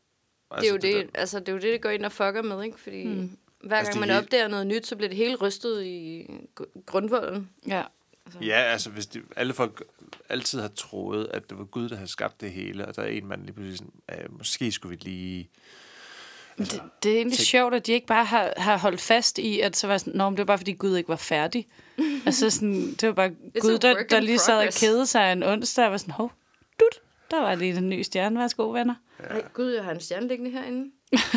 jeg har fandme glemt lige have den i baglommen. For satan. Ja. Nej, nej, nej, nej, Godt lige, at Gud selv siger, åh Gud, er der en stjerne herinde? Åh oh, mig. Åh, oh, bare ja. Åh, oh, hvor er jeg skør, fjollet vej. Øh, Gud for søren. Jamen, jeg tror heller ikke, kirken var ikke så kreativ dengang, så øhm, de kan ikke overskue, at Galileo han skal øhm, sætte alle mulige geriller i hovedet på folk. Men øhm, senere, han, for, altså, han fortsætter ligesom på det der hollandske forlag, men senere bliver han dog fængslet, hvilket med det samme bliver lavet om til en husarrest. Spændende. Okay. I et kæmpe mansion, hvor øh, han har, som er tæt på, hvor hans døtre er nonner. Not too shabby, though. Nej, det er et fint sted, men jeg er også bare interesseret i, at hans døtre er nonner. Nå. Men Nå, det er nå. lidt nedtur for ham, og han har også brok, og så bliver han blind. Jamen, det er jo forfærdeligt. Ew. Det er fandme ærgerligt. Karma, til gengæld. Måske. Er det? Så du, Altså, du synes, han skal skamme ind. sig lidt over at bevidsthedsudvide. Fy for satan. Så prikker vi de poteøjne ud. Det der med at blive lukket ind i et mansion med, med nonner rendende omkring sig. Jeg synes, Nonnerne altså, er Det hans lyder lidt døtre... som en, en ting, man kan finde på Pornhub, by the way. Ja, okay. nej, det var altså hans døtre, Fabian. Og de Jamen, var det kan man også finde på. That's what I'm saying. Ej, nu stopper jeg. Jeg har lyst til at high five dig. Bum. Nå. Jeg vil Okay. gerne øh, have fortalt en hel time om Galileo, for det er meget spændende. Men øhm, jeg ved, at der er nogle andre ting, I godt vil snakke om. Så vi. Nå. fast forwarder bare lige og siger, Galli var cool. Han er kendt for mange ting, blandt andet sin forfinelse og flotte brug af teleskopet. Han opfandt vist også en forgænger til termometret. Mm. Og han opdagede Jupiters måner. Han fandt fire. Vi ved nu, der er 63. Han er kendt for sine studier... Jamen, det var stadigvæk flot, ikke? Ja, ja, jamen, det er. Han er kendt for sine studier i tyngdepunktsbestemmelser og sit arbejde med penduler og objekter i frit fald. Sidstnævnte fik blandt andre Newton stor glæde af senere. Ja. Og nu ved jeg ikke, om jeg kender jer godt nok, men jeg tænker bare, at vi har, været sådan, vi har stukket lidt ud i nogle forskellige retninger, og jeg ved godt, at det måske kan virke sådan lidt tilfældigt, men jeg har prøvet at finde ud af, hvad, hvad vi vil- synes var spændende. Ikke? Og nu tænker jeg bare, at I sidder og tænker på to ting. Jeg tænker, at I tænker på dark matter og dark energy. Mm. Og jeg tror også, I tænker på aliens. Ja, meget på aliens. Begge dele er spændende, Ja. synes jeg.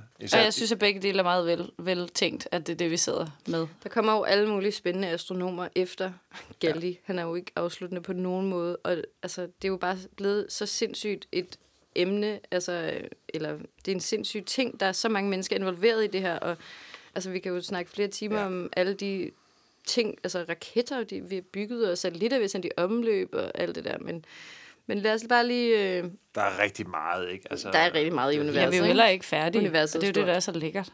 Altså, vi, Vi er slet ikke færdige. Vi ved faktisk Nej. ufattelig lidt. For eksempel ja. ved vi ufattelig lidt om dark energy og dark matter. Ja. Så derfor er det også ret kort. Og alt det der. Og sorte huller og alt det der halløj. Ja. Men øhm, jeg kan bare lige sige helt kort. Dark matter udgør, eller dark shit har jeg skrevet, fordi det er begge dele, udgør det meste af universet. Dark matter optager 25%, og dark energy optager 70%. De sidste 5% det er også, og alt det andet, vi kan se. Dark matter tiltrækker ting, ligesom tyngdekraften, mens dark energy frastøder ting, modsat tyngdekraften. Mm. Ingen af de her kan ses, for øvrigt. De er helt usynlige. Det er derfor, det også er lidt svært at blive klog på dem. Ja. Dark Energy blev først opdaget i 1990'erne, og det kom som et kæmpe chok, fordi opdagelsen viste, at universet udvider sig hurtigere og hurtigere, og ikke var ved at slappe af med det, som man troede på det tidspunkt. Man troede måske, universet var sådan lidt, nej, okay, jeg stopper med at udvide mig. Men så opdagede man det. Og det er jo nok, i, når, det, når det er i 90'erne, så er det vel i forbindelse med Hubble-teleskopet går ud fra, at man ligesom har fundet ud af det her. Og så er det bare sådan, what? Okay. En sætning. Jeg går ud fra, at det var Hubble-teleskopet. ja, okay. Nej, men altså, Det så er det bare sådan, tænkt. der er en forsker, der har beskrevet det som at kaste sine nøgler op i luften og se dem forsvinde ud i universet med forbløffende fart, i stedet for, at de ligesom At de de lander på jorden, igen. som man Ja. forventer. Fordi det bare er sådan, nå, okay, universet er i gang i noget helt andet. Og der er faktisk, øh, jeg kan ikke huske, hvem det var, men der er en af de gamle astronomer, som faktisk havde forudset det med en anti-tyngdekraft, at den skulle eksistere. Det er ligesom skrevet som en sådan sidenote et eller andet sted. Sådan, Nå, måske er det sådan, fordi altså, når man arbejder med de der ting, så er det jo hele tiden, man prøver at få det til at passe ind i et system, og så er der et eller andet, der ligesom ikke rigtig passer ind, og så prøver man at finde ud af, for eksempel det der med Kepler, han sidder og finder ud af det med ellipseformen. Ja. Så er der lige pludselig en masse problemer, som bliver løst, hvis det er tilfældet. Ikke? Fordi Ja. man kan jo ikke vide det, han kan jo ikke lige bringe dig ud, ligesom ham fra Netflix. Men, øhm, men ja, det er altså blevet foreslået før, for lang, lang, lang tid siden, det der med, at der skulle måske være en anti-gravitational force, som hæv den anden vej. Men det har man lige så bare tænkt, nej, det var vist en jernprut. Men øhm, det var det Ja, altså det er ikke. min yndlingsår. Så det skete, det findes. Ja. Men øhm, det, det er vanvittigt kompliceret, jeg får en lille smule... Øh, jeg Men det er jo klart, at på det. det er jo også er sådan, det er jo svært at udforske, ikke? Fordi man, hvis vi ikke ved, hvordan, hvordan det virker, så kan vi jo ikke udforske det, så forsvinder vi jo bare. Så sender vi jo bare folk ud i intetheden, ikke? Så vi ligesom nødt til at, så, til at finde ud af, hvordan man kan... Nu har vi ligesom fundet ud af, hvordan man, man kan nulstille, sådan, så man kan rejse ud i rummet, uden at øh, dønke rundt ind, i, ind i raketten, ikke? Men derfra så til at kunne gå ud i dark shit og finde ud af, når man er nu det rigtige sted i forhold til, om jeg bliver dunket ned mod noget, eller om jeg bliver suget ud i intetheden, ikke? Så man ikke kan se det. For jeg vender bare så lagt sig til at sove. Jamen, jeg kan, min hoved kan ikke forstå det. Det er også insane. Altså, jeg ved slet ikke, hvordan jeg skal sådan, placere de ting, de informationer op i mit hoved, så de giver mening. Altså det der med, at du siger, at universet udvider sig. Jeg forstår ikke den sætning. Jeg ved ikke, Nej. hvad det betyder. altså i stedet Jeg for, forstår at det heller ikke, fordi det er jo ubegribeligt, hvordan... Altså udvider sig ud i hvad? Så Ja. I endnu mere. ud det i vil sige, der er en Guds skød. kant, som bliver... Der er, Det er også der er noget, der, I Guds skød. Ender du bare i sådan en kæmpe... Nej, nej, nej. Okay, ikke noget. det Nej, lyder men som om, det er- vi er en ballon, som Gud sidder og puster ned i, så bliver vi større og større. Jamen, at det for... Jeg ser det sådan som sådan en kejle. Sådan, at det bare sådan... Men det er jo bare det, uanset hvad vi ser det som, mm. så er der jo noget, det jo- giver jo ikke mening, fordi så er der noget rundt om. Uanset mm. hvordan vi ser det, så vores hjerner må være ude af stand til at fatte det. Altså det tænker det jeg virkelig. Ja, det tror jeg, du har Det ret er nogle dimensioner, ja. vi ikke kan opfatte endnu med vores hjerner. Og vi skal jo også, det der med mælkevejen er bare en ud af en milliard galakser i ja, det voksne det er alt for univers. Meget. Alt for meget. Det, det er simpelthen for meget. Men altså, kommer, tror I nogensinde, man kommer til at gå ud, ligesom i, øh, hvad det nu den hedder, den film med... Øh, nej, nej, nej, nej, den med Jim Carrey. Hvor han bor i den der globe. Pet detective. Ja. Nå, nej. Hvad, ja, hvad hedder det der? Ah, øh, ah, for helvede. hvad er det nu, den Truman hedder? Den- Show. Truman Show, ja. Nå. Hvor man kommer ud, og så er det bare sådan, duk, duk. Nå, nu er jeg nået til verdens ende. Og så kan man kigge ud, og så er der bare nada. Så er man ligesom nået. Jamen, Det, det gør man vel ikke. Det kan vi vel ikke komme til. Vi, vi, kan jo ikke være, vi kan jo ikke nå det. Altså ikke med mindre, vi på et eller andet tidspunkt kan blive 3.000 år gamle. Så kan- kan vi jo det ikke kan nå at rejse det. derud. Vi, vi dør jo inden. det, er jo, det kan man jo aldrig nogensinde finde ud af. Altså, vores hjerner er bare ikke... Vi, vi er bare ikke... Men vi kan ikke finde ud af det kan jo at- være, vi kan jeg sende- nu- kan slet ikke forstå det. Jeg, Men nu når jeg, vi er blevet så gode til at lave Jeg kan raketter, som kan af rejse færdiggøre alene, hvilket er rigtig fedt, så vi ikke Det er mister det. flere skolelærerinder, Ja. for eksempel, så er det jo meget fedt, at man kan sende sådan en afsted, og så på et eller andet tidspunkt, så er der nogen, der overtager, så er der nogen, der dør, så er der nogen, der overtager, så holder man øje med den der. Og på et eller andet tidspunkt om en million år, hvor vi selvfølgelig stadig er her på jorden, så, øh, så kan man lige se, hov, duk, nu, har den, nu, nu kan den ikke komme længere. jeg så sådan en uh, timelapse, som sådan et eller andet uh, videnskabsmand har lavet, igen på YouTube, hvor jeg befinder mig rigtig meget af tiden. Mm. Sådan, hvad der vil ske med universet inden for, inden for de næste altså, milliarder, milliarder, milliarder år. Hvor det sådan lidt timelapse. Sådan, det, det sker de næste to år, så sker det næste 50 år, det sker det for de næste 500 år, så sker det næste for 5.000 år, det sker det næste 500.000 år, 500 millioner år, hvor det bare, universet mm. bare bliver et af det sort hul. Bliver, øh, så, hele universet bare forsvinder ned i et sort hul. Ud i det sorte hul bliver der lavet flere sorte huller, og det skaber stille og roligt et nyt univers igen, og som så bliver et, igen af et nyt sort hul, og så på et tidspunkt så er det bare sådan, så er det bare ingenting mere. Ej, the nothing. Ja, Hvor man bare også går og bekymrer sig om vores øh, klimaforandringer og vores øh, mange mennesker på jorden, og der er rigtig mange ting, der man Men i virkeligheden skal det vi være bange for kæmpe store sorte huller. Nå, men det, vi kan ikke ændre det. Det er jo bare sådan, Nej. universet kommer til at... Altså, som du selv siger, vi udvider, uh, universet bliver større og større hele tiden. Tror jeg nok, det er det, man skal tolke ud fra. Vi mm. udvider os. Mm-hmm, eller mm-hmm. universet udvider sig. Ja. Men det hele er bare sådan et prædefineret til, jamen, på et tidspunkt, så vil alle stjernerne bare være kollapset, og alle vil blive uh, suget ind i et stort hul, og that's about it. Og så måske blive skidt ud som et nyt univers Ja, på den anden side. Det er sådan, jeg hørte det, Ja. du siger. jamen, Men det er jo også noget, vi har drømt om. Mange af os, eller mange har øh, tænkt over, hvordan, hvor godt på en måde det ville være for os jordboere, hvis nu der var nogen derude, som øh, måske udgør en, udgør en trussel, eller bare vil snakke, eller et eller andet, fordi så bliver vi nødt til ligesom at samle os, ikke? Mm. Og hvor mange film er der ikke også om det? Jeg har lige set den der igen, som øh, hedder... Independence, Day. Independence Day er også Nej, kan overhovedet ikke den, den der, hvor at... Mars Attacks. Ej, styr jeg nu. Den er ny. Det er en ny film. Eller semi-ny film med hende, der er den rødhårede, som er rigtig sød. Nå, øh, Øh, det er fordi, jeg ved- Contact. Arrival, øh, Arrival. Arrival, det er den, ja. Ah. Ja, hvor de jo også ligesom Okay, har... du siger styr også nu. så går du bare her, alien. Nå, nej, men det er en 100% en alien-film. Mm. Men det er bare meget interessant, fordi der, altså, det, der giver de jo deres gave, som er deres sprog. Ja. Som er det der mm. med, at de forklarer sig, at der ikke er noget tid. Og i øvrigt Nej. ligner de jo heller ikke de små grønne mænd, Nej. som mm-hmm. vi tænker på, når vi tænker på aliens. Mange af os. Nå, men øhm, jeg tager lige her en lille... Det er noget af det sidste. Øhm, det Fra er bare lige en lille... Nej, nej, overhovedet ikke. Det, det var bare min overgang til det, jeg gerne ville sige nu var. Det med liv i rummet. Mange af os føler os måske lidt fjollede, når vi tænker på rumvæsener. Men faktisk er det noget, videnskaben tager meget seriøst. Eller i hvert fald tanken om at finde liv derude. Mange gange har man øh, troet, at man havde fundet bevis på liv i rummet, og så sent som i 2016 var en del forskere ret overbevist om, at de havde fundet noget, der kunne ligne en kæmpestor konstruktion, som de mente en fremmed race måtte have bygget øh, ligesom rundt om en stjerne for at høste dens energi. Men det viste sig at være støv. så. Nå. Men det er altså, det sker med jævne mellemrum. At vi ligesom opfanger noget, hvor vi tænker, høj, høj, høj, høj, nu er den der. Men, Men, hvad? Nej, du vil jo gerne sige det. mm, nej, men det er bare... Nej, du, er, vi kommer hen til det, så bare fortsæt. Vi giver ikke op så lidt, for den generelle håndl- hold- holdning, holdning blandt videnskabsmænd, der studerer universet, er ikke, at det er skørt at leve efter liv derude. Det skøre er, at vi ikke har fundet det endnu. I et univers, der er så uendeligt stort, hvor er alle folk så henne? Mm.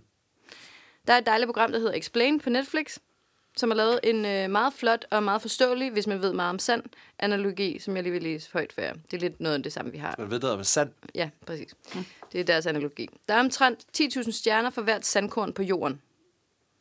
Et konservativt videnskabeligt skøn er, at 5% af disse stjerner minder om vores sol. Det betyder, at der er 500 milliarder milliarder Nej. sole i universet. Det vidste vi slet ikke før 90'erne, og det er jo igen Hubble-teleskopet, som vi ved. Nu mener videnskabsmænd, at en ud af fem af alle de stjerner, der minder om vores sol, har en planet, der minder om vores. What? Planetary Scientist, som jeg ikke vidste, hvordan man skulle oversætte. Planetvidenskabsmanden. Ja. Damen. Sarah Sigger me- siger, at hun mener, at der er 100% chance for, at der er liv derude. Udelukkende af den årsag, at der er så uendelig mange planeter og sole derude. Hmm. En astrobiolog, som hedder Kenda Lynch, hun mener også, at der er liv derude, fordi vi nu her på jorden har opdaget liv på nogle steder, hvor vi ikke havde troet, at liv kunne opstå. For eksempel langt nede i miner, i vulkaner, i kernereaktorer og lignende crazy steder. Det gør, at vi ligesom er mere optimist, optimistiske end nogensinde før. Fordi vi nu også ved, at der er sådan... Altså, når man siger liv, så er det jo ikke, fordi der bor små grønne mænd, men der er liv. Organismer. Ja. Hvis vi siger, at en ud af tusind jordlignende planeter udvikler liv, hvilket man skønner er lavt sat, så er der stadig... Øh, så vil det stadig være hver tiende sandkorn på jorden, der repræsenterer en planet med liv i universet. Okay. Hvis bare en ud af tusind af dem udvikler intelligent liv, så har vi stadigvæk en kvadrillion kloge alien-civilisationer ude i rummet. Der burde være 10.000 bare i vores galakse alene. Okay. Og en kvadrillion, det er et et-tal, efterfulgt af 24 nuller. Vil jeg bare lige Og hvor sige. mange solsystemer er der i vores galakse? Kan du huske det? Det har vi haft på side 1 her. Ja, jeg kan ikke lige huske Ja, det. det kan jeg sgu ikke huske det. Men, men det, altså, undskyld mig, men når man sidder her som sådan en lille bitte almindelig jordling, er det så ikke også en lille smule arrogant at tro, at vi skulle være på lille bitte planeten Jorden det mest intelligente universet har set? Altså, det giver ikke nogen mening for mig, at der ikke skal være liv andre steder. Og jeg er jo flippet nok til at tro på, at, at alle de der NASA-hemmeligheder, der er om, øh, om aliens, der har været på jorden, der må fandme være et eller andet om det. Altså, at der er nogen, der, der har været her. Ligesom vi måske har banket på noget, som vi ikke har kunne følge til dørs. Armbrud. Bank på, ikke? Ja, never mind. Jeg skal lade være med at forklare min joke. Så jeg tænker da bare, at det der næsten det ville da næsten være mere utroligt, hvis der ikke var. Ja. Er det. Altså, Det var hvis man bare vender den om, det er da sådan... Så ville jorden og, og vi virkelig være et mirakel. Ikke? Jo, jo. Altså. Men uh, Paul Davis, der er også er fysiker, han siger, at uh, aliens, vi kalder dem bare aliens for hyggens skyld, også har tiden på deres side, fordi jorden jo kun har eksisteret en tredjedel af hele universets alder. Det vil sige, at de andre har haft meget længere tid til at udvikle sig. Hmm. Bottom line er, at med al den plads og al den tid, så er det helt tydeligt, at vi burde have fundet liv derude, eller det burde have fundet os. Så hvorfor er det ikke sket? Det her, det hedder Fermi-paradoxet. Det er en italiensk øh, videnskabsmand, ja. som har stillet det spørgsmål. Det kan simpelthen ikke være rigtigt. Videnskaben har lidt forskellige bud. Der er selvfølgelig den meget populære forklaring, som Louise Hansen elsker, som går ud på, at vi har fundet liv, men myndighederne holder det hemmeligt for os. Der dukker med jævne mellemrum info op, som gør, at den her teori får nyt liv. Så sent som i 2017 var der en kæmpe nyhed om, at USA's regering bruger millioner af dollars på Pentagons mystiske UFO-program, som skulle undersøge rapporterede tilfælde af observationer. Altså undersøge folk, der har set Ja. en UFO, ikke? Og folk, De der sender bruge- billeder De skulle bruge ind. penge på... De har brugt. De Hvad? bruger millioner Ja. på det. Og det kommer ligesom frem som en nyhed, og så er alle folk igen sådan, Men tænk, hvis de har en alien. Men hvad bruger de penge på, siger du? at undersøge UFO sightings. Nå, okay, så de sender folk ud, der har set UFOs. Jeg ved ikke præcis, hvordan de altså, gør det. de, de, ja, de undersøger i hvert fald dem, der har sendt ind, sendt videoer ind. Og der er jo, altså, det er, og det er så mange år tilbage, før man overhovedet kunne photoshoppe. Nu kan man jo gøre alt muligt, men fra hele verden på samme tid, hvor folk har set noget og affotograferet noget, der ligner en UFO, men hvor de sådan, nej, nej, det var bare en, det var bare en cigar. Altså, hvor det sådan, det ligner Jeg kastede det, sjovt det nok bare- cigar op i luften præcis samtidig med dette. det var skørt. Men hvor de sådan prøver at, at forklare det med at være, nej, det var bare noget, noget pjat. I stedet for at være helt vildt nysgerrig. Jeg synes, det er så mærkeligt. Altså, jeg synes det ikke med mindre... Altså, hvis de havde tænkt sig... Hvis det fordi folk er bange for, at de her aliens har tænkt os, sig at udrydde os og spise al vores øh, korn, så havde de nok gjort det nu. Altså, så det er jo ikke Ja, så skræmmende. det, øhm, det leder os faktisk meget godt over i øhm, det, den sidste øhm, ting, jeg vil sige om det her, og som faktisk også er det sidste, konkluderer min fremlæggelse. Men det er fordi, at der er nogle ret sjove øh, forskellige teorier, som de her videnskabsmænd, jeg øh, har læst om og set på har. Ikke? Øhm, altså teorier om, hvorfor det ikke er sket. Mm. Og vi skal bare også lige huske på, at vi snakker tit om UFO'er, som om UFO'er er en flyvende tallerken. Men UFO betyder jo bare Unidentified Flying Object. Mm. Så det er jo ikke, det er bare noget, man ikke har identificeret, mm. så man ved overhovedet ikke, hvad det er. Og det er også, forskerne er meget klar i spyttet om, at det, man, det de gør, det er at søge efter liv i rummet. De søger ikke efter små grønne mænd, de søger nemlig lige så meget efter en lille amøbeagtig ja. ting et sted. Ikke? organismer. Det er jo lidt kedeligt. Ja. Men hvis man lige øh, bare lige leger øh, med ideen om aliens, eller Little Green Man, Yep. så har de øh, nogle teorier, som jeg lige afslutningsvis vil dele. Nummer et. Paul Davis, han mener, aliens måske er snopper. altså, at de måske har været her, og de ikke kunne lide det, de så, og så er de rejst videre. og nummer to, hende, der hedder Sarah Seeger, hun forestiller sig, at aliens synes vi er for dumme. Hun sammenligner det med, at øh, hvis vi mennesker ligesom havde fået sådan en, en version af myrer, og vi ligesom så besluttede os for at prøve at sige til dem, Hallo myrer, vil I være søde at gå? I det her er mit hus, forsvind. Det vil jeg, men, altså man kan jo ikke kommunikere med Nej. myrer. Og der, der er hende, Kendall Lynch, øh, enig. Hun øh, mener, at aliensene venter på det rette øjeblik til at ligesom kontakte os, fordi vi, vi er ikke langt nok i vores udvikling. Nå, hvor vildt. Øh, en tredje forklaring kunne være, øh, Paul Davis mener, at øh, aliensene simpelthen har for travlt. De er i gang med nogle andre ting Det lige er nu. travlt. Ja, Ja. okay. Og den fjerde, der øh, er der en astronom, der hedder Seth Shostak, som kommer med et bud, som går ud på, at hele vores galakse måske i virkeligheden er koloniseret. Og vi bare tror, vi er alene, fordi vi er langt ude på bøgelandet. Mm. Og det vil sige, at der ligesom er et andet sted, hvor alle aliensene bare har en fed tid. Mm. Men vi har ikke nogen offentlig transport derhen. Uh, Og vi, har ikke, vi ved ikke, hvor det er. de er Så vi er, bekendt- bare, vi er simpelthen bare en uh, sh- Ej, shitty part of the alle de town. teorier. Fordi det lyder som om, der er bare nogen, der har sagt et eller andet højt, eller skrevet det ned. Og så er der sådan nogen. Det, øh, hvad baserer du det på, for eksempel? Det der, den teori med, at vi er i udkantsuniverset. Uh, universet. Det er jo bare nogen, altså det er jo bare for sjov. Det er jo bare nogle forskere, der sidder og fjoller. Og har, Okay, så det er har forskere rent. Ja, det er forskere, der siger de her ting. Men øh, det er jo bare deres personlige sådan, fjolleteorier om, hvad der kan ske. Altså, man må jo bare tænke selv, fordi faktum er jo bare, at der er uendelig meget plads, og der er uendelig mange muligheder, og Ja. ja. vi har ikke fundet en skid, eller også har vi. Men hvis vi... Det, det er i hvert fald ikke... Jeg så både videoer af sådan... Nogle af de der... Som, altså, der er altid på YouTube'en jo rigtig mange videoer med folk, der har på en eller anden måde været dybt infiltreret i det inderste af det amerikanske efterretningshudlihud. Mm. Og så er der altid en, der siger, de har øh, bla bla bla, jeg har selv set aliensne, og de er der, og bla bla bla. Og så er der en anden, som siger, det passer overhovedet ikke. Altså, vi kan ikke ligesom... Nej, der er ikke noget facit. Der er også mange, der siger, at de har været altså, bortført af aliens. Ja, det er der Altså, sindssygt at mange, de siger. er kommet op meget ofte om natten og blevet suget op i et lys, og så er, er de nu testpersoner, ikke? Men altså, jeg ved godt, okay, det kommer til at lyde fuldstændig åndssvagt nu, men det er fordi, jeg synes, at det er ret sjovt at gå med på lejen. Mm, fordi helt at, klart. At, nå ja, altså vi har jo ikke rigtig noget at miste, fordi hvis, de, hvis vi er som en myretue for dem, for eksempel, hvis man skal bruge den analogi, mm. Så gør vi gør jo det samme. Altså vi vil gerne undersøge hajer og hvordan de bevæger sig i vandet. Så derfor så tager vi ud i en båd, bing bong, med en kæmpe harpun, og så øh, fyrer vi lige en chip ned i hajen. Mm. Så hvis vi er hajer for aliens, så giver det da god mening, at de lige kommer ned, så får vi lige en lille chip, bing bong, så kan de se, okay, hvordan kører det lige med det? Hvorfor skulle det ikke være sådan, og hvorfor skulle der ikke være nogen, der gjorde det på aliensene også? Og så videre, og så videre, og så videre. Babushka-dukke. Altså, Ja, det er en stor babushka-dukke. Min har jo Nå, men altså, igen synes jeg bare, det er en lille smule småarrogant at tro, vi bare er det mest intelligente på jord. Altså sådan, fordi når vi umiddelbart, når man sidder i 5A og kigger rundt, ikke, så er det lidt svært at tro, at vi skal være sådan the majority i ja. universet. Bare sådan, vi er det. Ikke så svært, når man kigger på dronning Margrethe. Lidt sværere i 5, 5A. Men det er jo det, vi prøver at finde ud af. Ikke? Altså, vi har været ekstremt heldige. Altså, for det første er vi ekstremt heldige, at vi er i live året. Og for det andet, så er det, hele jorden er jo ekstremt tilfældig og heldig, at det bare fungeret, at det er her, øh, hvor liv kunne opstå.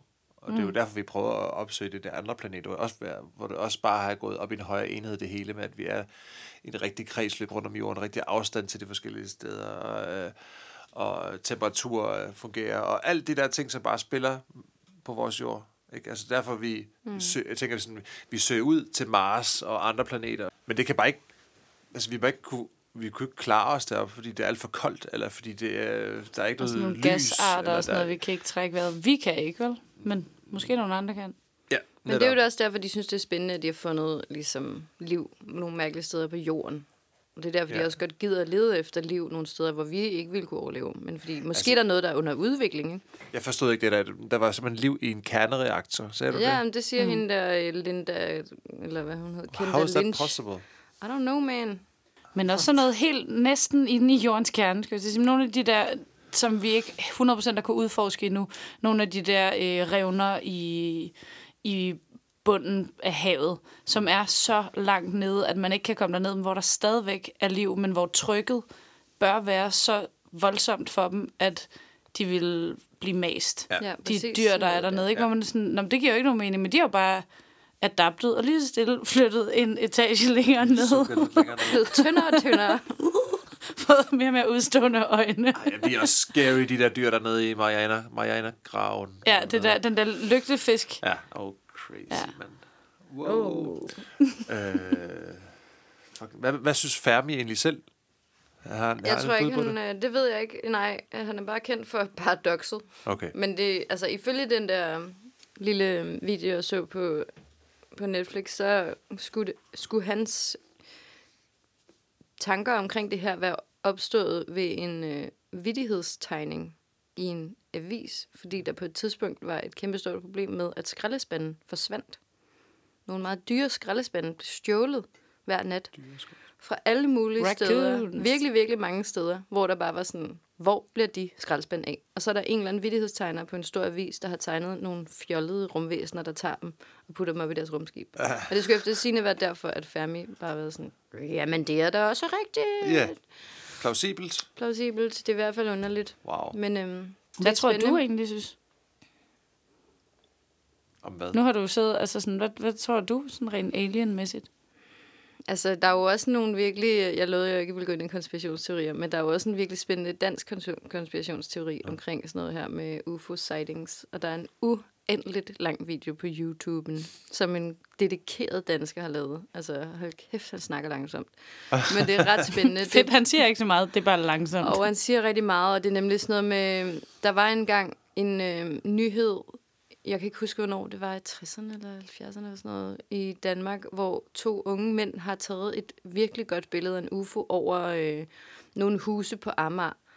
Og så er det helt, wow, kæmpe, wow, det er sindssygt flot, og, sådan, det kan, og sådan, de kan interviews og alt muligt, men allerede dagen efter trækker de det tilbage og, frem, og står frem og siger, ej, det var bare noget, vi fandt på, og vi har hængt UFO'en i en snor imellem, øh, det er i virkeligheden bare nogle tallerkener, vi har limet sammen, og vi har hængt den i en snor mellem nogle træer, og øh, undskyld, vi, øh, vi gjorde det her. Og det er bare sådan, der er ret mange underlige ting med den der historie. De har været inde om natten hos nogen fra, altså øh, noget med politiet har været inde og snakke med dem. Og sådan, altså, men altså, det er jo konspirationsteorier, ikke? Der er altid alt Altså, så muligt. du er ude i, at, at det, han mener i den her video, det er, at der er nogen, der har skræmt dem til at Ja, flette og at kysen. det i øvrigt ikke kunne lade sig gøre, det de sagde, fordi, og det er jo sådan nogle ting, hvor han er gået ekstremt meget i detaljer med, hvor der rent faktisk var beplantning. Altså, var der nogle træer? Og så er det sådan noget med, at snoren ville have skulle være flere kilometer lang, og så ville øh, UFO'en jo have dinglet nede ved jorden, fordi så spændt mm. kunne den snor ikke have været, og alt muligt. Og man ville kunne se snoren og sådan, ja. Ja, jeg ved ikke, hvad jeg tror. Jeg tror på lidt af det hele. Mm. Jeg synes i hvert fald, det er virkelig sjovt at tænke på, men jeg, jeg, ja, altså det der med universet. Jeg tror helt klart, at vores bevidsthed skal udvide sig, før der er nogen, der kan kommunikere med os. Jeg tror simpelthen ikke, vi er i stand til at opfatte noget som helst mm. lige på nuværende tidspunkt, langt de fleste af os. Selv hvis nogen prøvede at råbe til os. Please leave my house. Don't eat flyt. Flyt. Præcis. Okay, Sådan ting, man du finde på at sige. Ja. Jamen, det, det, jeg har det jo på præcis samme måde. Jeg synes jo, det der med at sådan være... Altså bare sådan tro på lidt af det hele, det synes jeg er virkelig fedt. Altså, Ja. en af kokkene på, øh, eller faktisk køkkenchefen, han øh, lavede mig en sølvpapirshat ude på arbejdet jeg forleden, fordi han var sådan, ja, du er bare mærkelig. Og det er, nej, det var meget kærligt ment. Og Ja, okay. det, han synes ikke, at jeg var mærkelig. Så mærkelig er jeg altså heller ikke. Men det var bare, det var bare meget sjovt, fordi jeg tænkte sådan, gud ja, det er skægt. At man har, man har på en, altså der er folk, der tror, at rumvæsenet kan læse vores tanker, men hvis man putter en sølvpapirshat på, så kan de ikke. Ikke? Altså så der, der stikker det sådan lige lidt af. Men tanken om at tro på lidt af hvert, og at vi bare er små, det kan jeg sgu meget godt lide. Altså Ligesom sådan, æske. Eske ville gøre, ikke? Æske, æske, æske. Nå, men nu vil jeg så snakke lang tid igen, så vi må hellere slutte. Ja, du har snakket lang tid igen. Vi har. Vi har I var også med. Men det var det var rigtig hyggeligt, og jeg er glad for, at I øh, ville øh, høre på mig. Og jeg, det er helt tydeligt, at jeg selvfølgelig ikke har forstået alting overhovedet. Altså, jeg har faktisk forstået forsvindende lidt, men det blev jeg enig med mig selv om, at når det handler om universet, så var det okay. Fordi der Når var der- simpelthen for meget. Når der, er, helt sikkert. der, er, der, er, det for, der er nogle ting, hvor jeg zoner lidt ud, hvor jeg ikke forstod noget som helst, hvad du sagde. Og så er der nogle ting, hvor jeg, jeg synes, der er ekstremt interessant, som jeg, ligesom dem, der lytter til det her, måske kan gå lidt nærmere ned i, dykke lidt ned i, at sige sådan, okay, det der med dark matter, det, det, det forstod jeg ikke, det kunne jeg godt tænke mig at forstå lidt mere om, eller månerne, hvordan de fungerer i forhold til vores jord. Og, Hvordan planeterne renser deres øh, system, det, det havde jeg ikke regnet med, at I ville spørge om. Det kunne jeg ikke svare på. skal Det er fordi, du gør det der med, at du kravler væk fra mikrofonen. ja. Det går ikke, Fabian. Okay. Så kan vi Jamen, ikke høre øh, dine genialiteter. Tusind tak for fremlæggelsen, synes. Du vil lige have en, I ville være med. en runde. Det Det var var skide godt. virkelig, virkelig fascinerende. Wow. Og det er meget, meget tydeligt, som du er uh, forberedt. Altså, der, Louise og jeg, vi bliver sådan helt uh, bitte små, speaking of uh, at være små i universet. Der, der var du sådan lidt gud i det her univers, noget, hvor du sådan virkelig, virkelig har tjek på dit, dit stof. Altså, Hov, jeg føler hvis virkelig, at Men det er også svært, at det er altid svært og- meget spændende, det der med at skulle sidde sådan og øh, ikke vide, hvad det er, og så er det bare sådan noget der, ikke? Mm. Så smider du bare om dig med facts, hvor man sådan, uh, det ved jeg faktisk forsvindende lidt om ja. det her, ikke? Og Jamen altså, da jeg skulle så starte, så var jeg også sådan, gud, hvordan er det egentlig med vores solsystem? Jeg kan ikke engang huske det. Mm. Nej. Jeg kan slet ikke huske, hvor mange planeter der var, eller noget. Øh, sådan. Så det er fint nok lige at få genopfrisket, uanset om noget af det går hen over vores hoveder. Altså, jeg så jo himlen ret, ret tydeligt, da jeg var i Afrika sidste år, og der vil jeg sige, at der var det, der følte jeg mig mindre end nogensinde. Der kunne man bare se Mælkevejen, du kunne se Mars helt tydeligt. Altså som i en rød lommelygte lige i face. Og det var, det var som om, man kunne tage og plukke dem. Altså der var det sådan, okay, der er rigtig meget derude. Der, ja. Det kan man godt lige tage hen og se, hvis man har lyst. Eller ned til mine forældre på øh, Lolland. Øh, hvis man står i deres øh, gård, så kan man også se Mælkevejen. Inviterer du folk til at tage ned og besøge dine forældre på Lolland? Ja, det ville min far især elske. Bøde på kaffe. Jeg savner himlen. Ja, det er altså også vidunderligt. Stjernerne. Mørket i Og virkeligheden. man kan jo købe sig til en tur op i uh, rummet, kan man ikke det?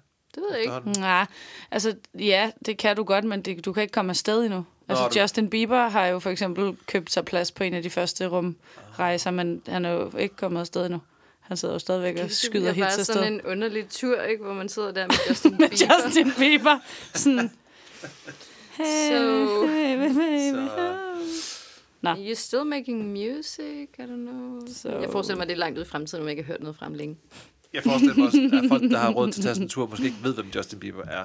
Altså sådan nogle Fordi hvis man har mange penge, Der er ikke nogen, der ikke ved, hvem Justin Bieber er. Nej, men jeg tænker sådan nogle virkelig sådan billionaires øh, kinesiske... Øh, Ja, men der, har, der kender de ham jo, og der er han jo spillet til deres ja. datters barndåb og sådan noget. Gøjl. ja. præcis. Ej, men øh, lad os stoppe den her, Ja, og så kan man jo øh, rejse videre ud i rummet, hvis man vil det. Og øh, tusind tak, Som vi altid siger i voksenskolen. Ja. Bon voyage! Så er der frikvarter. Hej hej. Au revoir.